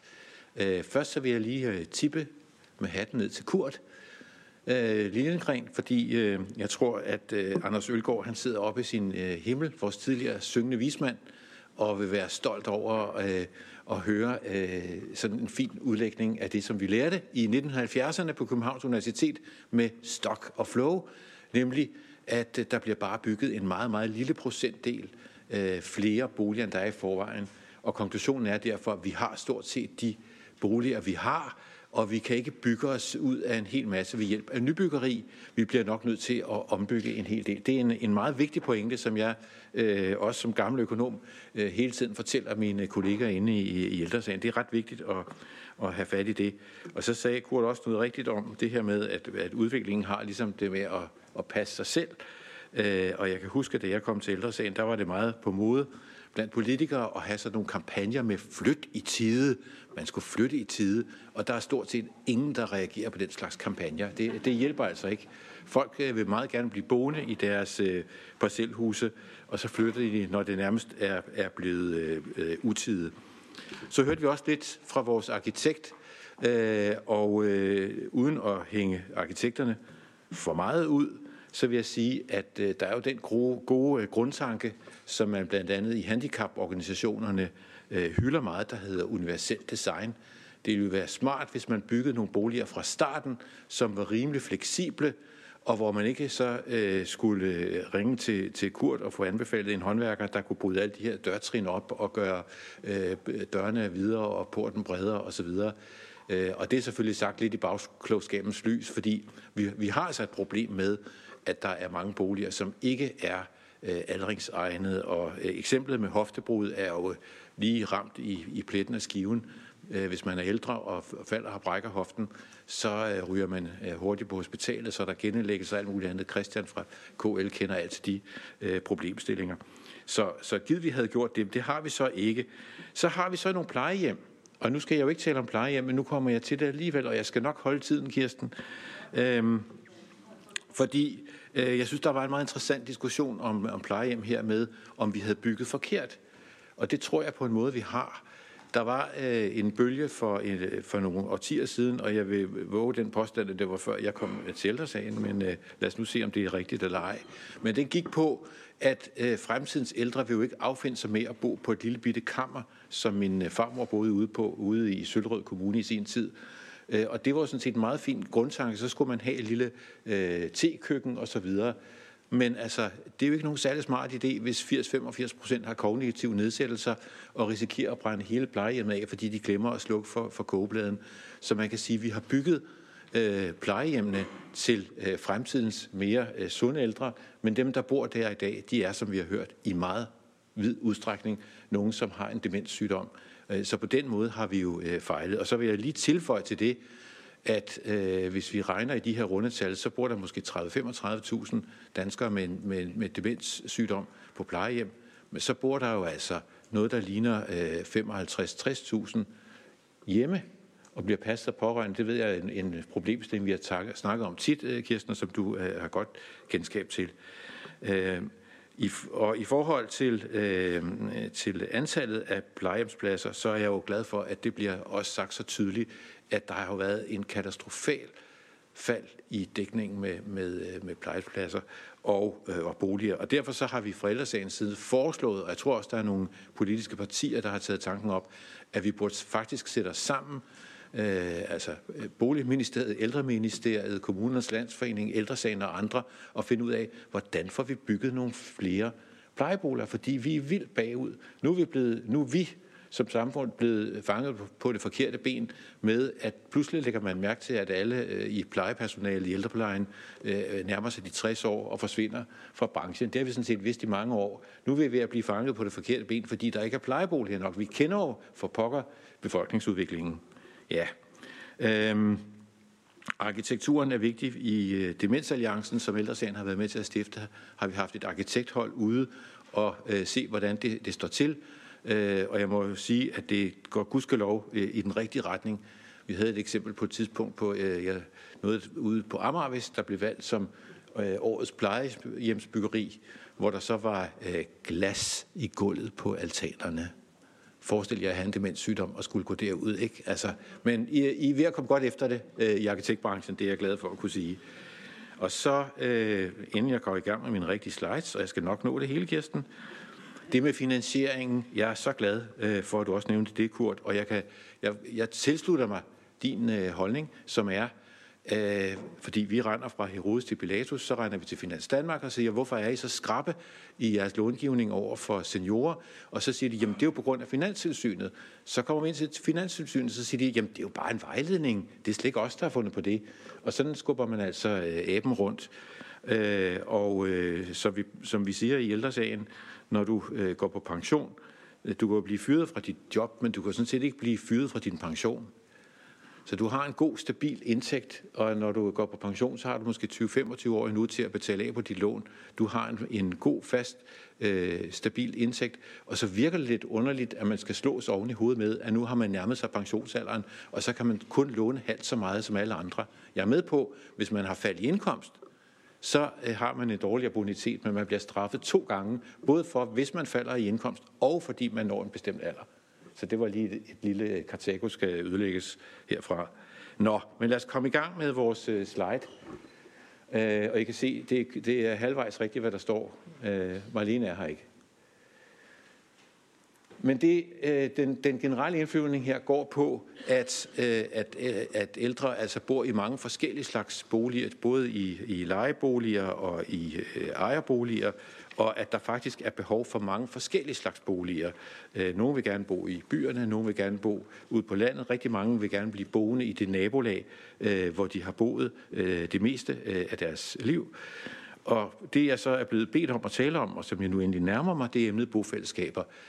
Og bofællesskaber, for lige at få nogle definitioner på plads her, det er altså, der findes forskellige typer af bofællesskaber, men det centrale er, at det altså ikke er, som man nogle gange læser i sådan uh, i aviser, så er det nok noget med noget olde kolde, og man deler undertøj og sådan noget. Det er, at man har selvstændige boliger, og så har man nogle fælles faciliteter, øh, man, kan, man kan nyde godt af. Og der har vi altså forskellige slags, både dem, der er selvgroede, øh, hvor man bygger noget sammen, eller noget, hvor der er nogle developere, der, øh, og PFA er nogle af dem, der er i gang, øh, arrangerer og, og bygger øh, nogle sådan øh, bofællesskaber. Øhm, og øh, jeg vil lige gøre opmærksom på med det samme, at når, vi, når, vi nu, når jeg står her og er fra ældresagen, og vi snakker bofællesskaber, der er rigtig mange, så, som så automatisk tænker øh, bofællesskaber, seniorbofællesskaber. Øh, og jeg vil egentlig godt slå et slag for, at man kan sagtens have flere generations bofællesskaber. Jeg havde en vidunderlig øh, kollega, Margrethe Kæler, som fandt på det dejlige ord, øh, nisseghetto. Øh, det kan det hurtigt blive, hvis man laver et seniorbofællesskab, øh, og det kan give nogle problemer, som vi kommer ind på senere. Så der er noget øh, faktisk at skulle sige i, øh, i, som argumentation for, at man har flere generationer boende, at der er nogle børn, der leger derude og skaber noget liv. Øh, så det behøver ikke bare være øh, senior på fællesskaber. Og så har vi allerede fået en masse gode statistikker fra de tidligere indlægsholdere med, hvor mange procenter der er osv. osv. Så det vil jeg faktisk øh, gå lidt henover, bare lige nævne, at, at vi har altså, selvom mange taler om bofællesskaber og taler meget om bofællesskaber og om seniorbofællesskaber, så har vi ret få set i forhold til den boligmasse, øh, vi har. Og det øh, skal vi nok vende tilbage til øh, senere. Hvorfor er folk så så vilde med at tænke på bofællesskaber? Det er de også, når vi spørger i vores fremtidsstudium, øh, hvad de godt kunne tænke sig at bo i, øh, når de bliver ældre. Og vi kan se en stigende interesse for at kunne flytte i, i bofællesskaber. Og øh, vi ved noget om, hvorfor øh, folk flytter ind i det, og vi har også hørt noget om, han har sagt, at det faktisk virker, fordi øh, noget af det, der er vigtigt, det er, at man øh, har en mindre risiko for at øh, øh, få ensomhed, og få knyttet nogle nye øh, fællesskaber, og man ved simpelthen fra øh, andre typer af forskning, at øh, noget af det, der øh, har stor betydning for ens øh, livskvalitet, øh, også når man bliver ældre, det er jo, om man har nogle gode sociale relationer, som er det modsatte af at være ensom. Og man kan jo godt man kan være alene uden at være ensom, og man kan også være sammen med andre og føle sig ensom. Men øh, det er et meget godt udgangspunkt, hvis man bor i nærheden af nogen, hvis man vil undgå øh, at blive ensom, og hvis man kan have lidt nabohjælp. Mine egne svigerforældre er flyttet i et, i et bofællesskab over i det, i det midtjyske, og det er jo helt tydeligt, at hvis der er nogen, der ikke lige har trukket gardinerne fra en morgen, så øh, kommer naboen og banker på og siger, er der noget galt? Og man, på den måde holder man øje med hinanden øh, og hjælper hinanden, og at der er også et fælleshus, hvor man kan gå ned og spille billard og have familien på besøg og sådan noget. Det er faktisk rigtig øh, udmærket med sådan nogle øh, bofællesskaber. Så vi ved, det er blevet nævnt tidligere, 93 procent af beboerne i seniorbofællesskaber siger, at de oplever øget livskvalitet. 76 procent oplever bedre sociale øh, relationer. Så, så der er noget i det, som er øh, aldeles øh, glimrende. Så er der altså også nogle øh, ikke løftet pegefinger, men nogle opmærksomhedspunkter. Fordi det kan lyde så, øh, så, så vidunderligt, at man flytter ind i et bofællesskab, så har man nogen, der kigger efter en, man får noget nabohjælp, man bliver mindre ensom. Men man skal altså også lige være klar over, at man knipser ikke bare lige med fingrene, og så er man derinde, og så kører alting øh, i olie. Det er lidt som hvis man også skal, øh, for slet ikke at tale om, hvis man skal stifte et, et bofællesskab, så skal man jo være enige om en, nogle forskellige ting. Så ligesom hvis man øh, kan blive irriteret på ægtefælden over, at øh, tandpastatuben bliver klemt de forkerte steder osv., når man kommer tæt på hinanden og skal bo op og ned af hinanden, så skal man øh, slippe nogle kanter af og lære hinanden at kende. Så hvis man bor i et af de her gamle øh, parcelhuse fra 70'erne og siger, nu må det være slut, vi må flytte i et bofællesskab, så skal man altså øh, bruge nogle økonomiske midler, og man skal flytte, og man skal sælge nogle af de gode gamle møbler, man har, og reducere mange kvadratmeter til, til få kvadratmeter. Øh, måske skal man flytte et andet sted hen, og ligesom øh, rykke op med, med rodet, og så skal man tilpasse sig det nye sted, man kommer hen, og finde ud af, hvad er det nu for nogle mennesker, man kommer til at, at omgås der. Og er man, er man omstillingsparat til det, øh, om jeg så må sige.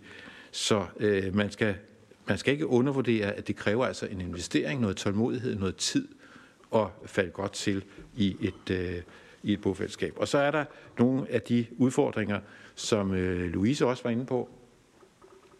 Og det er, øh, Øh, at hvis der er mange ældre, som så bliver mere og mere ældre, og måske meget ældre, der bor sammen i det her bofællesskab, så er der ikke så mange ressourcer at trække på. Man kan jo ikke alle sammen både være svækket og svage og øh, hjælpe hinanden.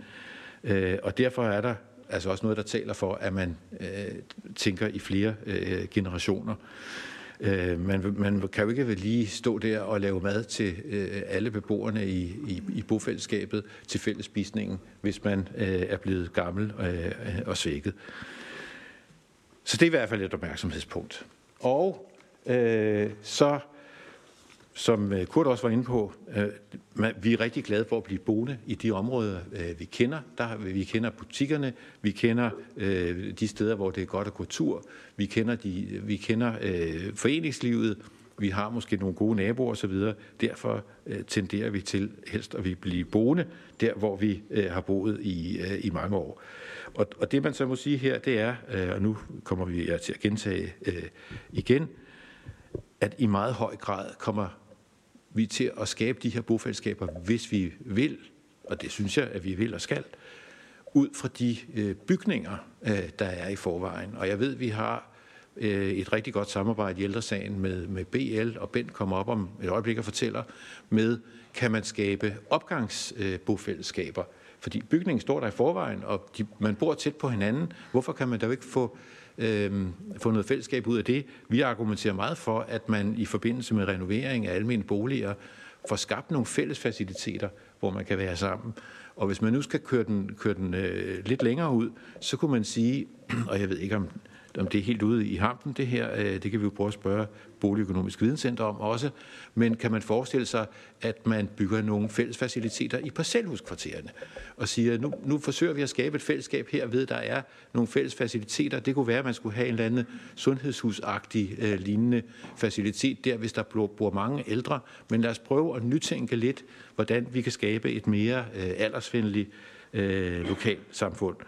Så det vi meget gerne øh, vil, vil opfordre til også øh, kommunerne, det er, at man, at man er åben over for nogle af de her tanker, og skulle der være nogle enkelte grunde, ledige grunde rundt omkring, øh, og der kommer nogen og godt vil bygge bofællesskaber, så øh, se meget gerne med, øh, med venlige øjne på det, som, som I nu kan. Og så vil jeg bare øh, sige til allersidst her, fordi jeg har lovet at holde tiden. Jeg aner ikke, om jeg har holdt mit løfte, men øh, nogenlunde. Øh, Øh, så vil jeg sige, øh, Kirsten, øh, og det står ikke på slidesene, men hvis man går ind på ældresagens øh, hjemmeside, eller nej, lad være med det, Google i stedet for, vi har lavet en guide til bofællesskaber her for et par år siden, som faktisk er rigtig god, som forklarer noget om ejerbolig, andelsbolig, lejebolig, øh, skal man starte noget selv, skal man flytte ind i noget, der allerede eksisterer eller noget. Så hvis nogen er interesseret i det, så google en guide til bofællesskaber fra ældresagen, så vil I blive klogere. Og hermed slutter The Lecture. Tusind tak.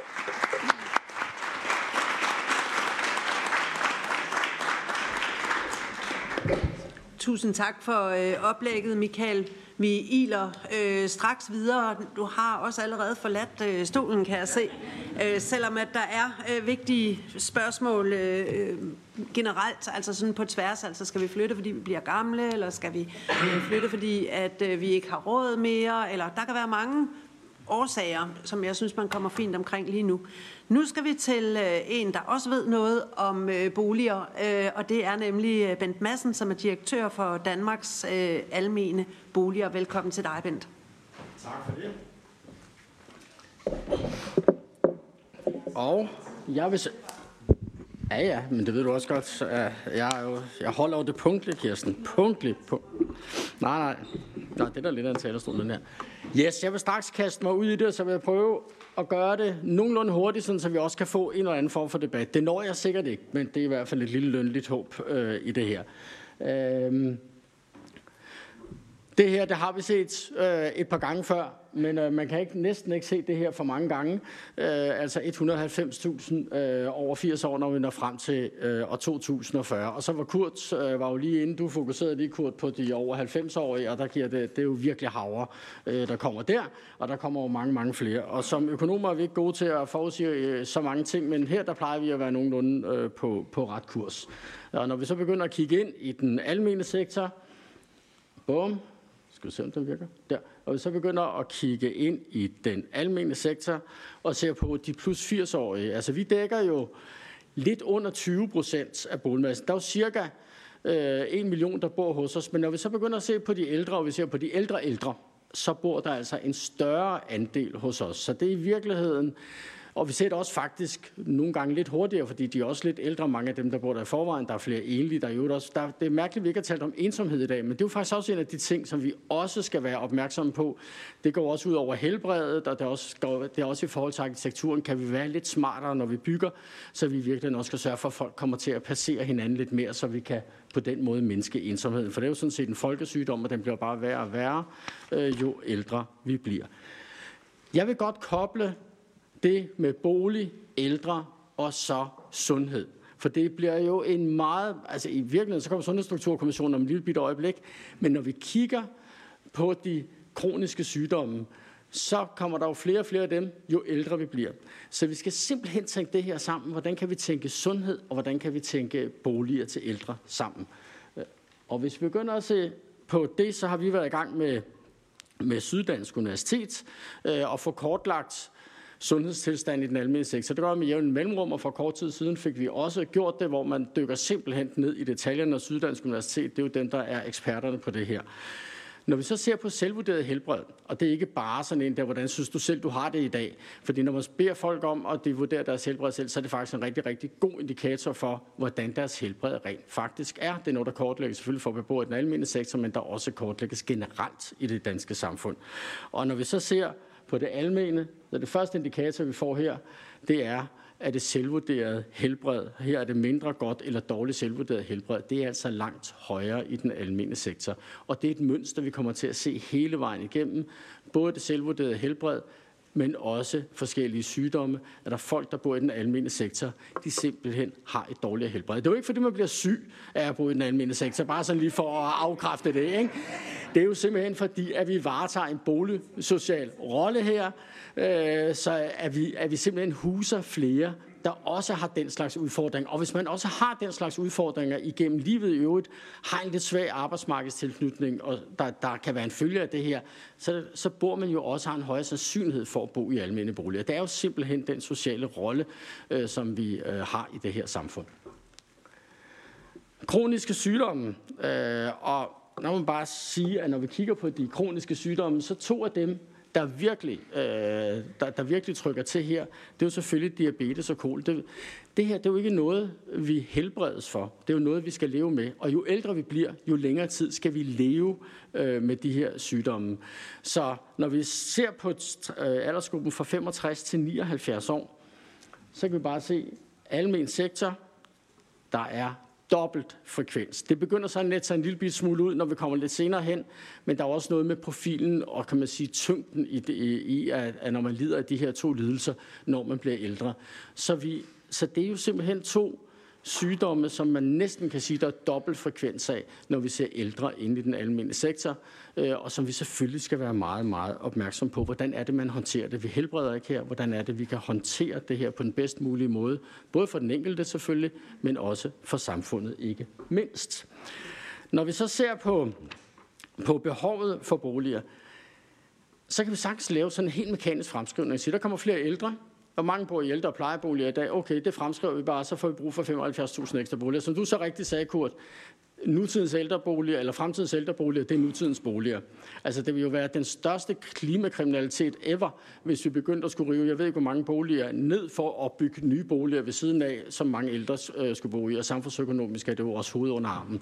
Så vi skal i virkeligheden transformere den boligmasse, som vi har i forvejen. Og når vi går også ind og kigger på det selvvurderede øh, helbred, der står 27.000 plus 65 år med dårligt helbred, der har vi altså været lidt længere nede også at se på bevægelse i virkeligheden? Har du problemer med, øh, med dit bevægeapparat? Og her begynder det jo at indikere i retning af, brug for tilgængelige boliger. Og når vi tænker tilgængelige boliger, så skal vi ikke kun, som vi gjorde før i tiden, tænke, ja, så skal vi have elevator der, og så skal vi have lidt, øh, lidt fladere dørtrin der. Vi skal kigge nærmere ind i universel design. Kan vi gøre det her på en mere begavet måde? Også når vi transformerer de her boliger, at det ikke kommer til at ligne institutioner. For nogle af de boliger, vi har lavet med fuld tilgængelighed, de har godt nok fuld tilgængelighed, men det er også lidt som at komme til at bo på en hospitalstue. Så vi skal tænke os virkelig godt om, når vi skal lave de her omstillinger øh, af boligmassen. Og som jeg sagde før, det er den eksisterende boligmasse, vi skal tænke i. Øh, vi, når vi, vi tænker hele tiden på blandet boligområder. Hver gang vi siger noget, vi skal have blandet boligområder, vi skal have blandet byer, hvor efter vi går glad ud. Og så bygger vi ældreboliger, plejeboliger, øh, ungdomsboliger og familieboliger. Tiden er altså kommet til, at vi blander det her lidt mere sammen. Det har der, de forrige talere har også allerede været inde på det. Vi skal tænke langt mere i forskellige former for generationsboliger, når vi transformerer boligmassen. Juhu. Nå, jeg ved ikke om Kirsten har du et eller andet system, hvor jeg blev stoppet? Nå, nu kom det. Nursing in the Care.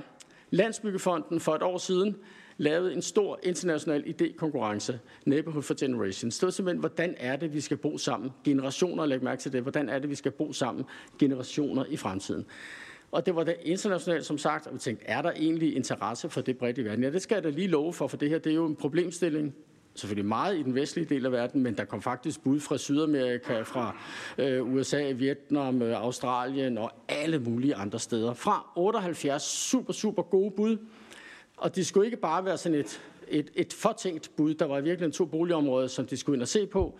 Det ene, det var Høje Gladsaxe, for det var selvfølgelig et højhusbyggeri, og det andet, det er Akselborg. Akselborg, det er karakteriseret ved, hvis I blev plantet i Akselborg i drejet 180 eller 360 grader rundt, så ville I være sikre på, at I var et almindeligt boligområde, men I ville være meget usikre på, hvad det var for et almindeligt boligområde, I var i. Fordi det her, det er virkelig en skalering, vi taler om her.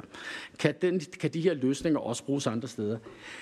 Dem, der synes jeg, at de rigtige, der var sådan fire vinder i det her, så var der noget, vi havde 10 honorable mentions, man må sige, nok noget af det allerbedste af det her, som vi også har sat fokus på her, Nursing the Care, det er en, det er virkelig en fransk øh, arkitektvirksomhed, som ude i det østlige Frankrig også har arbejdet med transformation af boligområder i virkelig en sundhedsarkitektur. Øh, det er det ene. Så de slår sig sammen med, med nogle nordmænd i Værdighedsinstituttet, der i virkelig er læger og gerontologer. Og det mix af de to, det er virkelig dem, der har kigget ned på det her boligområde og tænkt, hvad er det, vi kan gøre her? Og der måske nogle af jer, der tænker, det her det er da ikke raketvidenskab, men alligevel. Øh, fordi det, de gør, det, hvad vi ville normalt gøre, det der det er 8 hus, det ser for neden der, hvad vi ville normalt gøre, ja, der ville vi nok tænke, okay, så sætter vi elevatorer op, der er der nu lidt i forvejen, lidt bredere elevatorer, så fjerner vi nogle dørtrin, og så bliver det mere ældreegnet. Det, de tænker i, det er at kombinere det med sundhed, og gøre det i virkeligheden den der fleksibilitet, der ligger i det. Den nederste etage, I kan se det, eller de nederste etager, det er simpelthen til familier. Det er helt almindelige boliger, øh, der er der. Så der gøres ikke så meget ved dem. De næste etager, det er så adaptet, det er virkelig så tilpasset boliger. Det er noget i retning af bofællesskabslignende boligformer, hvor der også er nogle fællesarealer. I de fællesarealer kan der faktisk også være fremskudte sundhedsting. Det er, det er en del af vitsen øh, ved det her. Og så når man ikke mere kan bo i de her fællesskabsejerne. Det var du også lidt inde på, Michael. Altså, der er jo, altså på, på et eller andet tidspunkt, så, så, så, så, så kan de der fællesskaber godt, godt bryde ned, også når man bliver sværere og sværere. Der er mange i den samme alder. Øh, så her kan man sømløst i virkeligheden flytte op til de øverste etager, og så få noget, der dybest set ligner en form for plejeboliger. Og kunne vi virkelig lave den her vandring ganske frivilligt og, roligt igennem området, alt efter hvor man havde de her tilbud. Det her dyre jo et. Vil det her være dyrere, end når vi laver almindelige renoveringer? Det tror jeg faktisk ikke på. Måske tværtimod øh, kan det måske ligge lidt i, en, lidt i en lidt billigere ende, fordi vi netop tænker i universelt design, og vi bruger de dyre løsninger, hvor der er brug for dem, og ikke bare laver sådan noget standard øh, lidt mere tværs ud over det hele. Og se, hvis I kigger derned til venstre, hvis I kan se der, øh, Health Pavilion, det er det, vi faktisk kalder et fælleshus. Det er et fælleshus, der er dernede, men bygget ud, sådan, så der faktisk også kan være nogle former for klinikker øh, i det her fremskudt øh, sundhed ude i boligområdet. Det der, det er så øh, det her fælleshuset der, og det, det, ene, det ene det er et helt almindeligt fælleshus. Det eksisterer i forvejen med de aktiviteter, der nu er der, eller nogle gange ikke aktiviteter. Jeg tror også godt, vi kan sige, at det er jo ikke alles fælleshus, der er lige overrendt. Så det kan jo godt være, at vi faktisk ved at proppe også noget sundhed ind i det, vi faktisk også får brugt de fælleshus lidt mere, øh, som vi har i forvejen. Og så for oven, det er simpelthen sundhedsarkitektur og klinikker, der er der. Vi har også samarbejdet lidt med Rigshospitalet, og de siger, hvorfor laver I faktisk ikke sengepladser derude?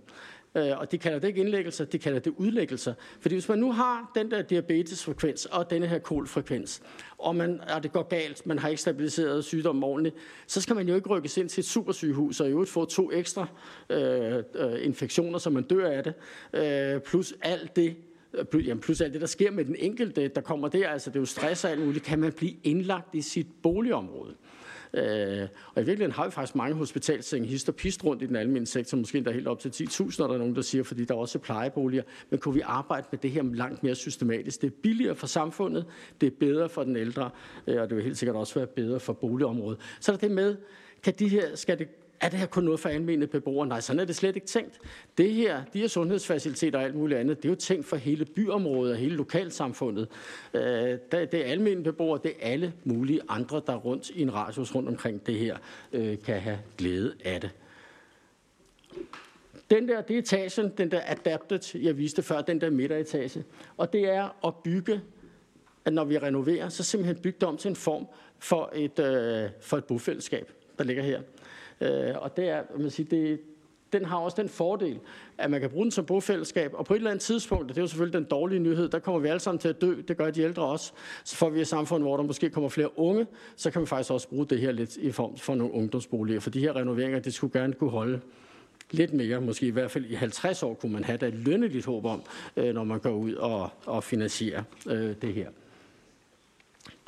Det her det er et andet eksempel det er Viborg, hvor det her kører. Det er et rehabiliteringscenter. Det er faktisk også bygget af, den almene, øh, af et almindeligt boligselskab. Men det er sådan et godt eksempel på samarbejde mellem det almindelige boligselskab og kommunen og nogle fremskudte sundhedsindsatser, der simpelthen er her, hvor der er ret mange ansatte, kan I se, er kommunalt ansatte, øh, og så tager man faktisk og indlægger folk, eller udlægger folk, øh, det akutpladser, der er der, i det lokale boligområde. Så det er faktisk sådan et konkret eksempel på, at man gør allerede det her i forvejen.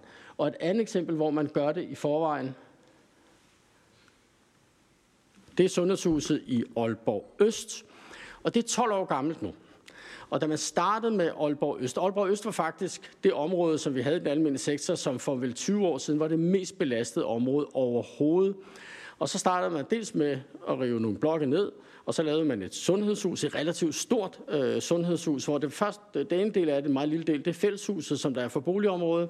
Og så i virkeligheden et meget stort øh, sundhedshus, hvor man så havde det håb, kommer der nogle private klinikker ind, kan der komme noget privat sundhed ind. Der var jo ikke noget sundhed. Der var ikke nogen praktiserende læger i nærheden øh, af området overhovedet. I øvrigt så vil man også gerne have de faciliteter, fordi folk fra det øvrige Aalborg, de kom jo ikke ud i det østlige Aalborg. For kunne man, havde man et ærne i det østlige Aalborg, så kunne man også få mere integreret i forhold til den øvrige by.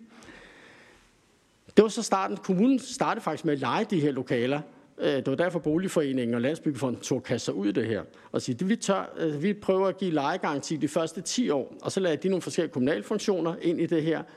Nu er kommunen long gone i forhold til det her område, og der er faktisk øh, 12 øh, lægeklinikker i det her. Så det, det må sige, den har simpelthen arbejdet sig i retning af fuldstændig, at, at det bliver lejet ud til til det, det i virkeligheden var, alle mulige forskellige sundhedsting. Og det, der også sker i det område, det er, at ældre begynder nu at flytte ud i området, fordi der er nærhed i sundhed. Vi skal også være klar på, at når vi ser nærhed i sundhed, den ulighed, jeg viste før i sundhed, med almene beboere, der er en langt større frekvens, en langt større øh, sygdomsfrekvens. Hvis vi sammenligner det med andre lande, som vi normalt sammenligner os med, så har vi jo langt større ulighed i sundhed end de lande.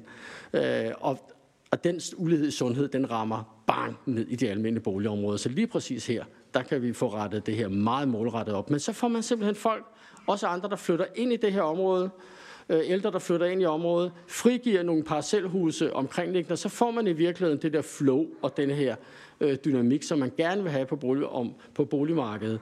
Og det, som du også talte om, Kurt, at der er mange, man bliver siddende der, fordi hvad er alternativet? Der er der faktisk et alternativ, som der er nogen, der flytter ind i. Har lidt af det samme, når vi er nede i Fredericia. I Fredericia, Korskærparken, jo, som var en person fra i virkeligheden at være det, man på daværende tidspunkt kaldte en hård ghetto. Nu er det vel nærmest det, du kalder en nisseghetto, øh, Michael. Øh, fordi at der er rigtig mange ældre mennesker der, fordi det også er blevet et attraktivt område, som man rent faktisk flytter ind. Og hvis man, hvis man en dag er på egen, så skulle man gå forbi der omkring ved frokosttid, så er der virkelig øh, rollatorræs øh, hen mod de, øh, øh, sådan nogle fælleshuse, og hvor der faktisk er sådan en form for restauranter, som man kan spise sin øh, mad der. Som, altså det, det er virkelig et område, der er flere generationer, men rigtig, rigtig mange ældre, og tiltrækker flere øh, og flere ældre øh, i forhold til det. Så er der nogle af jer, der måske tænker nu, det her det bliver da forfærdeligt dyrt at lave alle de her renoveringer, og det belaster der statsfinanserne. Og det, for, det, det, og skal jeg bare sige, den gode nyhed her, det er jo, øh, at det er jo Landsbyggefonden og beboerne selv, der sparer op til det her, så det er sådan set ikke noget, der belaster statsfinanserne. Så det er jo det, man bør tænke ind i den næste boligaftale og tænke de her øh, ting sammen. Øh, til gavn for samfundet og i høj grad til gavn for boligområderne og de ældre, der bor der. Hænder. Det er det sidste, jeg lige vil ind omkring. Det mangler vi jo hele tiden. Og uanset hvad vi laver, uanset om det er ældre i går, som der blev talt om i Frederiks, eller hvor, når vi taler om det, snakker alle om, vi mangler hænder. Vi har øh, 10.000 hænder, øh, 11.000 hænder fordelt på 5.500 ejendomsfunktionærer, viseværter, der, går, der er i de almene boligområder. De laver faktisk rigtig meget socialt arbejde. Også er tit inde hos folk. Vandhanen drøber især, hvis folk de bliver rigtig ældre, øh, fordi så er der også den der lokale kontakt, der kan du ikke godt lige skrue en pære i, og kan du ikke lige hjælpe mig med det her. Prøv at anerkende det her lidt mere måske give noget efteruddannelse, sådan så det her det bliver mere integreret i forhold til den øh, lokale hjemmehjælp. Gør vi det nogle steder? Det gør vi faktisk i Viborg. Der prøver vi at eksperimentere med det sammen med Viborg Kommune og sige, kan vi lave et andet samspil mellem det? Det er jo lidt mærkeligt, det er jo lidt paradoxalt, ikke? At vi om morgenen så går hjemmehjælpen den ene vej i området, og viseverden går den anden vej. Godmorgen, Maja. Godmorgen, øh, hjemmehjælp. Øh, altså, det ser vi jo ikke, når vi går hen. Øh, der er jo ingen af jer, der har været på posthuset for nylig, vel? Det bliver ordnet i Føtex, altså vi får flere og flere funktioner øh, sammen. Her skal vi jo også tænke de her funktioner sammen. Så det er den ene ting. Men den anden ting, vi også er blevet inspireret til, det er de der franske arkitekter. De render rundt der i det østlige Frankrig, hvor der også er i virkeligheden nogle rustområder. Så hvordan kan vi få, er der i virkeligheden noget lokalt øh, personale her, som vi kan bruge, kan, vi kan trække på? Og der har de jo fundet ud af, at i mange af de her boligområder, der bor der faktisk folk, der tidligere har været i sundhedssektoren. Og nu er vi jo heldigvis fyldt med register og statistikker, Øh, så Christine, hun har været nede og søge øh, efter folk, der øh, på et tidspunkt, øh, eller der har faktisk en sundhedsuddannelse, og er i alderen mellem 67 og 76 år, der bor i de her boligområder. Kunne der, eksisterer der så nogen, og hvis de er der, kunne vi så tiltrække dem tilbage på arbejdsmarkedet i en eller anden form. Det sidste tror vi rent faktisk, når vi taler med folk, at det kunne vi godt. Det er også erfaring fra Frankrig. Fordi der er mange, der ikke har lyst til at arbejde i den organiserede sundhedssektor på hospitalet, men hvis der kan være noget i, i nærområdet, så vil man godt trækkes tilbage til det at kunne gå ned i fælleshuset, hvis man nu kunne blive udlagt i fælleshuset. Tallet er 2.700, og i betragtning af hvor mange hænder, som vi mangler lige i øjeblikket, så er det her jo faktisk rigtig interessant, hvis vi kan få folk til at blive lidt længere på arbejdsmarkedet, og sådan set være rigtig glade for at være de her flere år på arbejdsmarkedet. Øh, så det kunne bidrage godt til de lokale sundhedsindsatser. Ej, jeg har et par slides til. Så slutter jeg, Kirsten. Ja, det ene, det ene, jeg vil bare sige, det er, at når vi, når vi så kigger bare ud i fremtiden for at sige, hvad er det med, med ældre, hvad er det for nogle øh, penge, folk har mellem hænderne. Nogle gange så har vi den der illusion om pensionsopsparingsillusionen, og siger, nu bliver vi alle sammen rige, så nu kan vi købe alt muligt på et eller andet tidspunkt, vi kan mange hænderne, men skal også bare være klar over, at pensionsopsparingen er stadigvæk fordelt skævt. Det er jo nok så helt frem til 2050. Så der er brug for boliger med en jævn husleje, som almindelige ældre uden stor opsparing og store indkomster gennem livet faktisk også kan betale. Det var simpelthen mit sidste ord, Kirsten. Det var da hurtigt.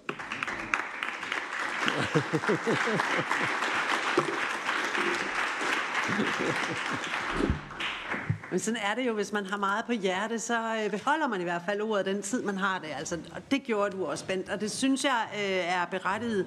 Øh, men vi iler videre øh, til den næste oplægsholder, og det er simpelthen øh, Christian Butte, som er rådmand øh, for sundhed og omsorg i mit eget hud i Aarhus, og medlem af KL's Sundheds- og ældreudvalg, og det er den egenskab, du er her i dag.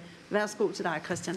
Tusind tak, og øh, først og fremmest tak til de to udvalg for at sætte fokus på en øh, sindssygt vigtig problemstilling. Øh, det er ikke nogen hemmelighed, at, at jorden den brænder under fødderne på os ude i, i kommunerne, og derfor er det også dejligt, at vi får lov fra KL's perspektiv at komme og, og sætte nogle billeder på den, den kommunale virkelighed, hvordan vi oplever det her. Så, så tak for at, at, at rejse den her vigtige dagsorden. Uh, der er flere af mine forgængere, der har været pragmatiske med tidsgrænsen. Øh, jeg har lovet Ulrik, som kommer efter mig fra OK-fonden, at øh, vi deler den sidste tid, øh, og det er vigtigt for mig at holde det, også fordi Ulrik snart kommer og bygger et nyt plejehjem i Aarhus, vi har brug for. Øh, så, så, så, så jeg, vil, jeg vil forsøge sådan at kursere lidt, øh, lidt hurtigt øh, hen over de slides, jeg har med. men de centrale budskaber er, nogle af dem er også blevet nævnt allerede af, af nogle af mine, mine forgængere her. Jeg er rigtig glad for, at Bent i virkeligheden kommer og sætter fokus på, på noget af det, som er allervigtigst. Øh, nemlig at, øh, at vi lige nu jo står øh, et sted, hvor de politiske vinde blæser enormt kraftigt, at øh, både en, en ældrereform, som vi så i går, en sundhedsreform, øh, der kommer lige om lidt, jo i virkeligheden øh, adresserer mange af de udfordringer, vi står med ude i de 98 kommuner. Altså den her overgang fra et, en velfærdsstat til et velfærdssamfund. Øh, vi har nogle forventninger, det er vi nødt til at have til, til borgerne, øh, at de kan mere selv øh, fremadrettet. Øh, vi skal hjælpe dem på en anden måde fremadrettet i, i kommunerne, øh, og meget af det handler selvfølgelig om, hvordan er det, vores, øh, vores borgere de bosætter sig. Så hvordan er det, vi får programmeret nogle boliger klogt, Øh, Bent var inde omkring det her med øh, en, en sundhedsdagsorden. Altså, det handler jo ikke kun om øh, boliger med elevatorer, med lav dørtrin. Det handler måske også om, øh, når vi kigger i krystalkuglen, at sådan noget som øh, monitorering af, data, øh, måske loftlifte, hvis man skal øh, tænke endnu længere frem, altså i virkeligheden nogle, nogle boliger, som, som man kan bo i i den tredje alder i, i, i ganske mange år, fordi en overskrift kunne være, at, øh, at det nærmeste hospital bliver borgerens eget hjem, hvis man skulle være sådan en, en lille smule frisk. Øh, fordi vi jo ved, at vi skal hjælpe vores øh, sygehuse med, at mange af de borgere, som i dag fylder for meget, øh, dem skal vi håndtere fremadrettet, både i eget hjem, med, med hjælp fra vores hjemmepleje, øh, men selvfølgelig også på vores plejehjem. Så det er en, en, en kæmpe udfordring og en, og en bunden opgave, at vi får taget nogle af de her ting øh, klogt ned. Øh, så det er sådan i forhold til kan man sige, det, den fysiske sundhedstilstand. Og så er, det, så er det også rigtigt, som Bent peger på, at der også er noget mentalt, som, som også er vigtigt. Altså, ensomhed er jo en, øh, en folkesygdom øh, i hele Danmark. Øh, det er det også i Aarhus. Det er det sådan set fra, fra 0 til 100, men i særlig grad er det jo vores ældre, som er ramt af ensomhed. Så hvordan er det, at, øh, at vi klogt får, får programmeret og lavet nogle, nogle boliger, nogle boligfællesskaber, hvor vi hjælper vores ældre ud af ensomheden og ind i nogle, nogle meningsfulde fællesskaber.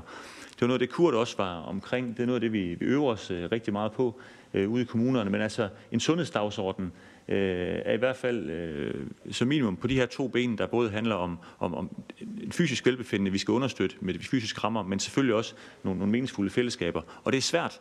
Øh, der var tidligere et, øh, et billede fra Aarhus, det her Generationernes Hus, hvor vi har forsøgt at, at gå lidt foran med alle de børnesygdomme, der nu følger, når man laver sådan et projekt. Og dem, der ikke lige kender Generationernes Hus, så kan jeg sige, det er nede i vores nye bydel, bygget ud i vandet på Aarhus Ø, hvor vi har forsøgt at samle både en, en børnehave, der er handicapboliger, der er plejehjem, der er også ungdomsboliger. Så det er i virkeligheden et, et meget dynamisk, øh, meget levende hus med en meget høj puls, hvor mange af de ældre mennesker, øh, der er nysgerrige på det fællesskab, man kan få i sådan et hus, øh, flytter ind.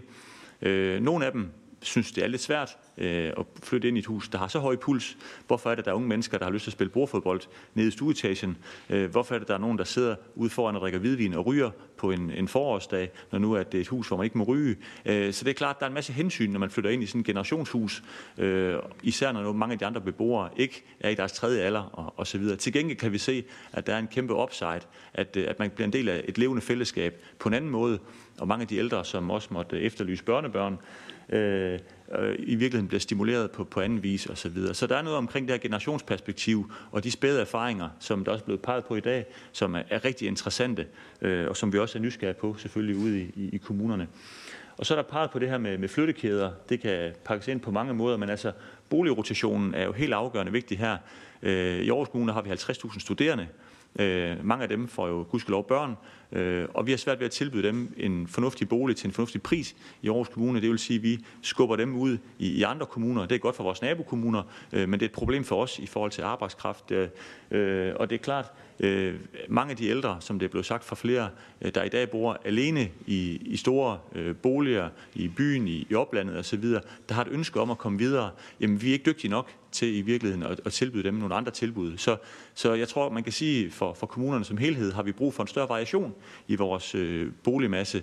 Øh, og vi skal simpelthen have flere varer på, på hylderne, øh, og vi kan se, også igen, hvis jeg må gribe min egen empiri i, Aarhus, at vi sådan set har en udfordring, som kan virkelig paradoxal, at vi har høje udgifter til, til tomgangsleje. Vi har rigtig mange gammeldags ældreboliger i, i vores midtby, som simpelthen ikke, der ikke er efterspørgsel efter, fordi de ikke er tidsvarende, der mangler elevatorer, men også fordi de ligger i, i en midtby, hvor der er for meget øh, larm, hvor vi har nogle ældre, der gerne vil blive boende i, i et opland, fordi der har man sin, sin gang, der har man sit primære netværk osv. Så, så det der med, hvordan er det også, at vi får lavet nogle kommuner i balance, hvor der er en, en, en variation i, i boligmassen, men også en variation på tværs af, af kommunen, så der både er noget i, i center og noget i, i periferi.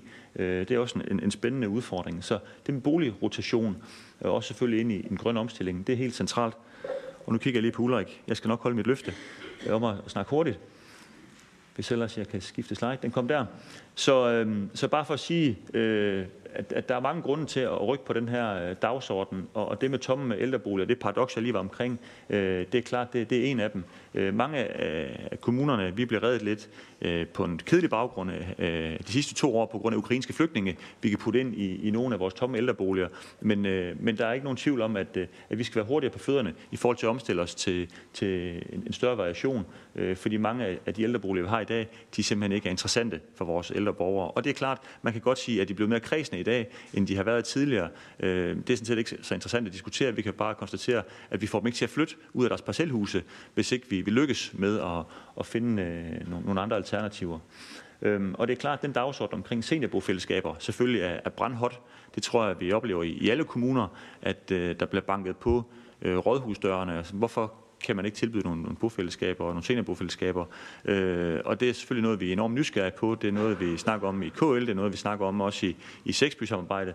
Øh, og, og der er nogle, nogle gode erfaringer i nogle kommuner, men, men vi må bare konstatere, at det er noget af det, vi skal skrue op for. Og derfor er det selvfølgelig også sindssygt fedt, hvis, hvis I på tværs af de to udvalg vil være med til også at, at skubbe på det politisk øh, i virkeligheden. Øh, bide os lidt i haserne ude i kommunerne, men også selvfølgelig give os den værktøjskasse, vi har, vi har brug for. Øh, og en af mine hovedpointer nu her skal være, at, at de justeringer, som vi kan høre, I arbejder på i forhold til planloven, at, øh, at I går ambitiøst til værks der, fordi der er ikke nogen tvivl om, at, at planloven det er en af de store benspænd, vi har ude i den kommunale virkelighed. Især den her paragraf 15 øh, er virkelig tung at danse med, og det er klart, at vi har brug for den her værktøjskasse, der handler om, at vi skal kunne stille større krav til dem, der bygger og udvikler i, i vores byer. Og helt konkret oplever vi i rigtig mange kommuner, at vi har brug for flere ejerboliger. Øh, det, er, det, er en, det er en udfordring for os. Ja. Tiden går også stærkt, når man står op, det skal jeg så sige. Øhm, jeg tror, at det her omkring øh, paletten af boligtilbud, det har jeg været omkring. Øh, jeg kan lige komme omkring det her med stærkere lokalsamfund. Øh, vi gør det lidt på forskellige vis øh, ude, i, ude i kommunerne, øh, men noget af det, som Bent også var omkring, er selvfølgelig også, øh, kan, vi, kan vi nytænke Øh, for eksempel sådan noget som sundhedshuse, altså rykke sundheden tættere på, ikke mindst vores øh, udsatte borgere, der bor i almene boliger. Det er noget af det, vi har gode erfaringer med i Aarhus Kommune. Vi har indtil videre etableret tre sundhedshuse. Vi kommer til at etablere et fjerde. Øh, indtil videre er det nogle af de borgere, som har sværest ved at komme til lægen, som har sværest ved at, at, at få fat i vores kommunale tilbud, hvis de skal bevæge sig ret langt. Der kan vi se, at øh, hvis vi kan lave nogle sundhedshuse i deres nærmiljø, måske i virkeligheden også kombinere dem med fritidsaktiviteter, kombinere det med en børnehave og, og så videre, så får vi fat i især den her udsatte målgruppe.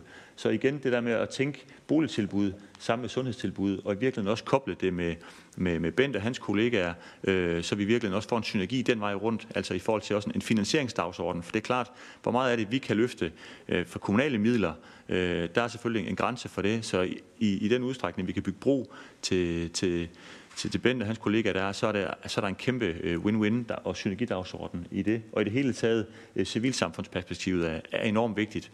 Øh, godt. Så til sidst, inden Ulrik han kommer løbende hop, så øh, bare for lige at, at genbesøge det vigtigste, altså en fleksibel boligmasse øh, til de forskellige livsfaser, der er, øh, ikke mindst til vores medborgere i den tredje alder, det er alfa og omega. Jorden brænder under vores fødder i alle 98 kommuner. Vi så øh, før, at det særligt er økommunerne, der er udfordret, men jeg tror på vegne af alle mine kollegaer, at vi kan sige, at, at det her det er nogle udfordringer, som, som vi, vi dagligt øh, er udfordret af. Jeg kan sige også igen i Aarhus, indtil videre har vi haft to store møder med vores lokale ældreråd. Øh, ældresagen er også enormt optaget af det her, og de har simpelthen en forventning om, at det er noget af det, vi politisk øh, leverer på.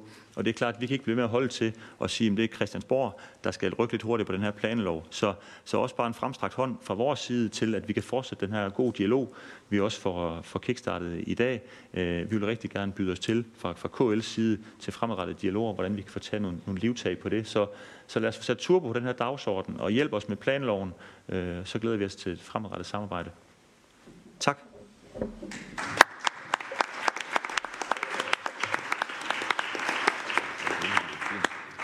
Tak for det, øh, Christian Butte. Og det er rigtigt, at øh, du øh, indhentede simpelthen noget tid for os her.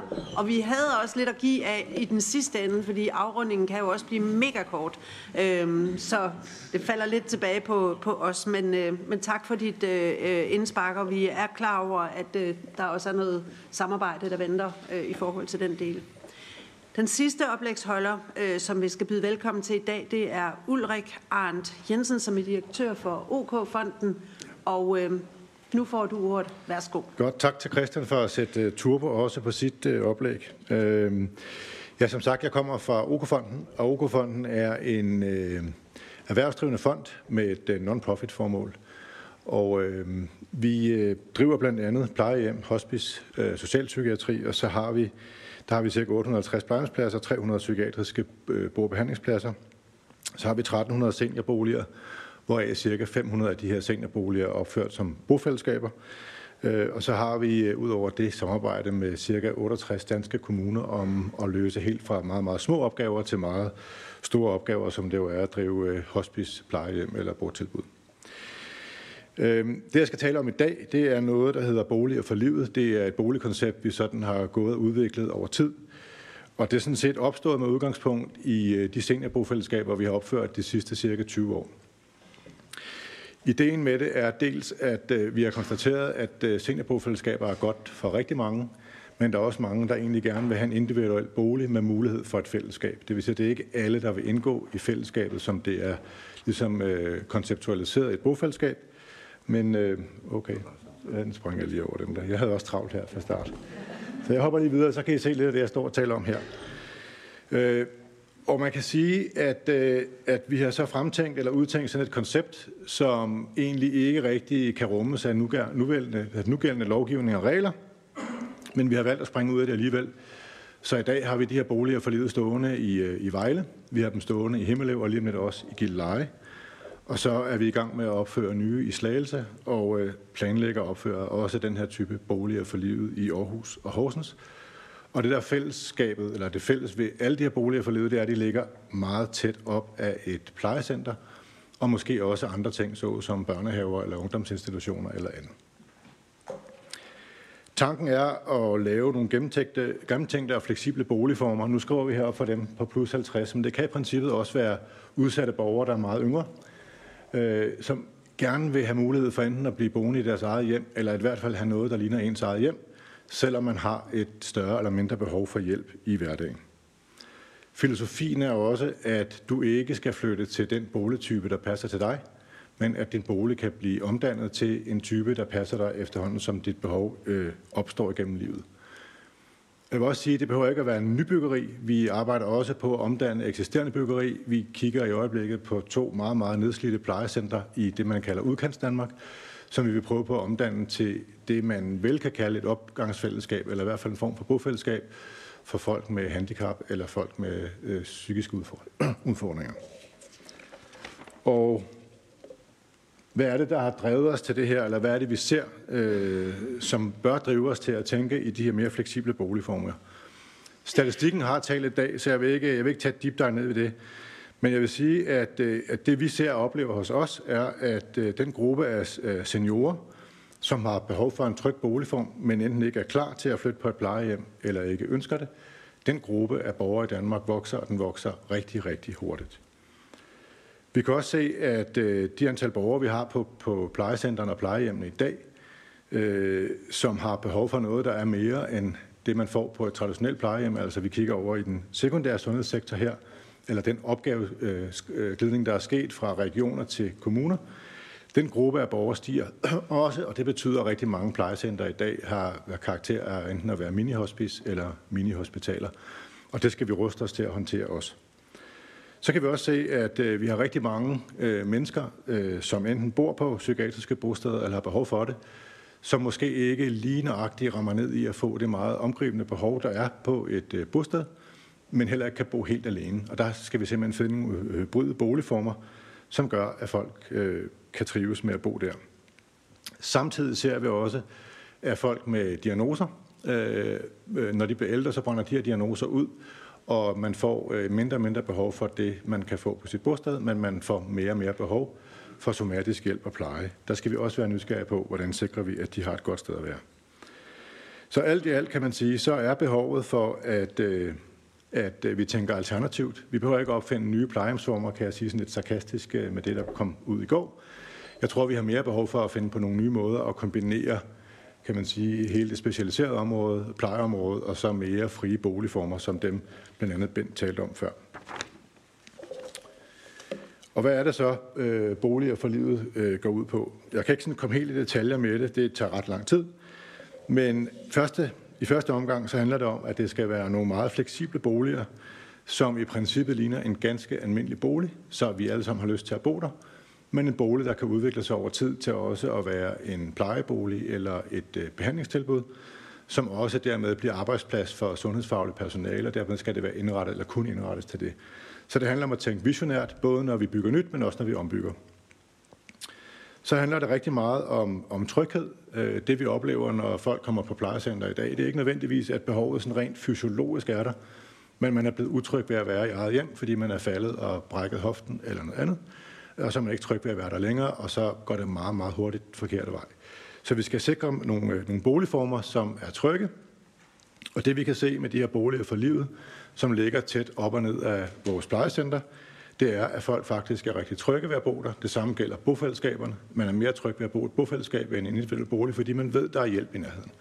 Og på den måde kan vi se, at folk bliver faktisk i egen bolig meget længere, og det er både billigere for, eller bedre for livskvaliteten, og det er billigere for samfundet. Øh, tanken her er også, at det skal være muligt at modtage de samme ydelser, som man modtager på et plejehjem. Det vil sige, at boligen skal, skal kunne ændres, så den er indrettet til kørestolsbrugere, øh, men også til, at øh, man kan modtage altså, egentlig sundheds- og sygepleje i sin egen bolig. Og der kan man sige, at der er nærheden til et plejecenter også rigtig vigtig, fordi ellers så bliver det svært kompliceret, og det tager lang tid at sikre, at hjælpen ligesom kommer til hånden. Så taler vi også meget om selvbestemmelse. Øh, det her med, at man kan få de ydelser, man har behov for efterhånden, som behovet opstår. At man ikke skal visiteres til store og komplekse pakker, men at man stille og roligt, kan man sige, opgraderer, opgraderer sin, sit, øh, den pleje, man får, og den hjælp, man får. Og det kan enten ske ved visitation i kommunen, eller ved man selv vælge at betale for det, hvis man har mulighed for det. Og det er der heldigvis flere og flere, der har.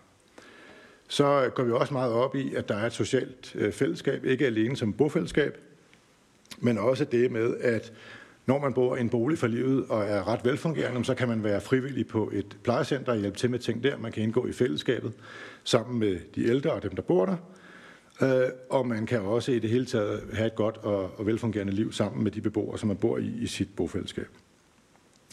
Noget vi også lægger rigtig meget vægt på og, og har stor glæde af, specielt på, på hospice og på vores plejehjem, det er frivillighed. Der er rigtig mange mennesker, øh, både pårørende og især tidligere pårørende, som engagerer sig rigtig meget i at komme og lave de ting, som vi ikke sådan kan varetage inden for den døgntakst, som, som vi får for vores ydelser. Og det kan være aktiviteter, det kan være at lave billiardklub med de ældre, som mere har karakter af social hygge end billiard, og alt muligt andet. Det nyder vi stor gavn og glæde af, og det gør de frivillige også, fordi de får en stor tilfredshed i livet, og de ældre øh, og de udsatte borgere, de modtager eller får også stor gavn af det her. Hvis jeg lige skal sådan prøve at dykke ned i, hvad er det så for nogle udfordringer, vi står overfor øh, med den her øh, boligform i dag. en af dem er finansiering. I Okofonden er vi så heldige, at vi har fået lavet et stærkt samarbejde med PFA, som har været nævnt et par gange. Øh, vi skal bygge plejecenter, og vi skal bygge boliger for livet for cirka 3 milliarder kroner i fællesskab over de næste 5 til 10 år.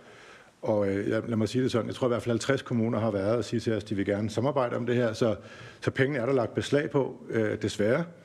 Øh, men i hvert fald, så kan man sige, at vi er heldige på den måde. Noget af det her er en stor udfordring, og jeg er ked af at sige det. Ja, øh, man kan sige, at den finansielle sektor bærer måske noget af ansvaret, men der ligger også en hel masse udfordringer i blandt andet Finanstilsynets øh, øh kan man sige, omsætning af solvensregler, blandt andet. Øh, og vi har også været i dialog med Finanstilsynet om det her, så der er noget at gribe i fra begge sider af bordet her, som vi skal være nysgerrige på, hvis vi skal løfte det her. Og det gælder især, når vi skal bygge uden for landets fem største byer. Der er det meget, meget svært at få penge til rådighed, og får man det, så er det til, med, med meget store afkastkrav, og det skal vi hjælpe sig med at finde en, en god løsning på. Så noget af det, vi også øh, godt kunne tænke os, det var, at man tænkte øh, fleksible boligformer mere ind i lovgivningen. Vi har almindelig lovgivning i dag, og der kunne også være, at, øh, at man skulle prøve at finde på noget nyt der, således at øh, os, der prøver at praktisere det her, er sikret lidt i forhold til ikke bare at skulle appellere til pragmatisme ude i kommunerne, når vi skal lave nogle af vores løsninger. Så der kunne man godt gøre noget der også.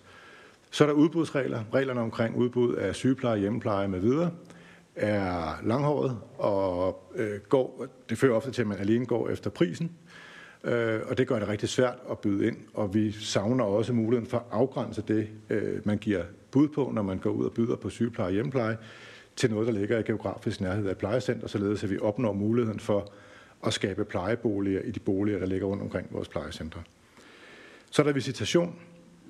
Der er det rigtig meget sort-hvidt i dag. Man bliver enten visiteret, eller også er man ikke visiteret. Skal vi lave fleksible boligformer, så skal vi stille og roligt kunne visitere borgerne. Og der er også visse former for visitation, man øh, næsten ikke behøver at køre igennem et meget komplekst administrativt system. Der vil vi gerne opfordre til, at man tænker sig lidt om der også. Og så er der hele øh, lejelovgivningen, hvor at, øh, man kan sige, at boligens status, når man bor i en almindelig lejebolig, kan gøre det rigtig svært at komme til at levere nogle af de her ydelser, sådan som lovgivningen er i dag.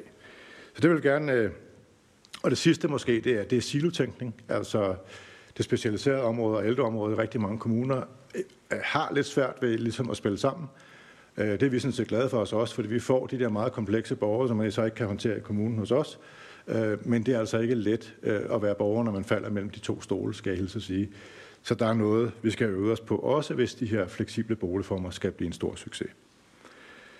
Øh, ganske kort vil jeg fortælle, at den tegning, I ser heroppe, rent faktisk er et af vores øh, bud på det her. Det er nede i Himmelev, hvor vi har et plejecenter, som er det ikke graverede område heroppe, hvor vi også har fælleshus og serviceydelser, hvor vi leverer øh, over i de røde øh, skraverede områder herovre, der leverer vi sygepleje, hjemmepleje, hjælp i alle mulige afskygninger. Vi leverer mad, og øh, dem, der bor her, kommer over og nyder gavn og glæde af, af de ydelser, vi har på plejecentret, og de deltager også som frivillige i en masse arbejde derovre. Det fungerer rigtig, rigtig fint, og det gør det ene og alene, fordi Roskilde Kommune har valgt at være ekstremt pragmatiske omkring, øh, kan man sige, nogle af de her principper for udbud, og hvilke ydelser vi kan arbejde sammen om. Og det ser vi selvfølgelig rigtig stort tak for. Det billede her, det er også nede fra Himmeløv. og her sidder der et ægtepar, som bor i en bolig for livet og kigger over på vores plejecenter, hvor øh, de er simpelthen flyttet ind der, fordi de boede i en stor øh, 200 kvadratmeters bolig, som de egentlig ikke rigtig kunne bebo mere, for de kunne ikke passe den, som de gerne ville.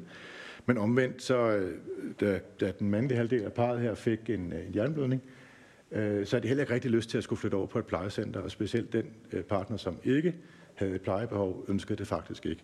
Og der er den her bolig lige spot on, øh, og de bor og trives rigtig godt her. Og herren i parret der, han er faktisk øh, trives nu så godt, så han er også blevet frivillig over på plejecentret, hvilket vi er super stolte af. Og det kan vi alene gøre, fordi man kan få hjælpen i hjemmet, så man skal have den hjælp med tæt på. Øh, de kan vælge at bruge øh, plejehjemmets faciliteter, de får mad derfra en gang imellem, øh, og så deltager de i alle de aktiviteter, øh, der øvrigt er derude. Og så er det den store fordel, ja, deres bolig er lille, men der er et stort fælleshus over i plejecentret, som de kan bruge, når familie og venner skal på besøg, og når de skal holde runde fødselsdage og alt muligt andet godt. Så på den måde får de det bedste fra en lille tryg bolig med det at bo i, sin, i sit eget store hus. Det her det kan man også godt gøre i eksisterende øh, byggeri. Det kræver bare noget andet og noget mere, end vi har valgt at gøre her, men den udfordring vil vi i hvert fald rigtig gerne være med til at tage op. Og så tror jeg, jeg runder af, fordi så er der tid til et par spørgsmål. Det gik lidt stærkt. Ja.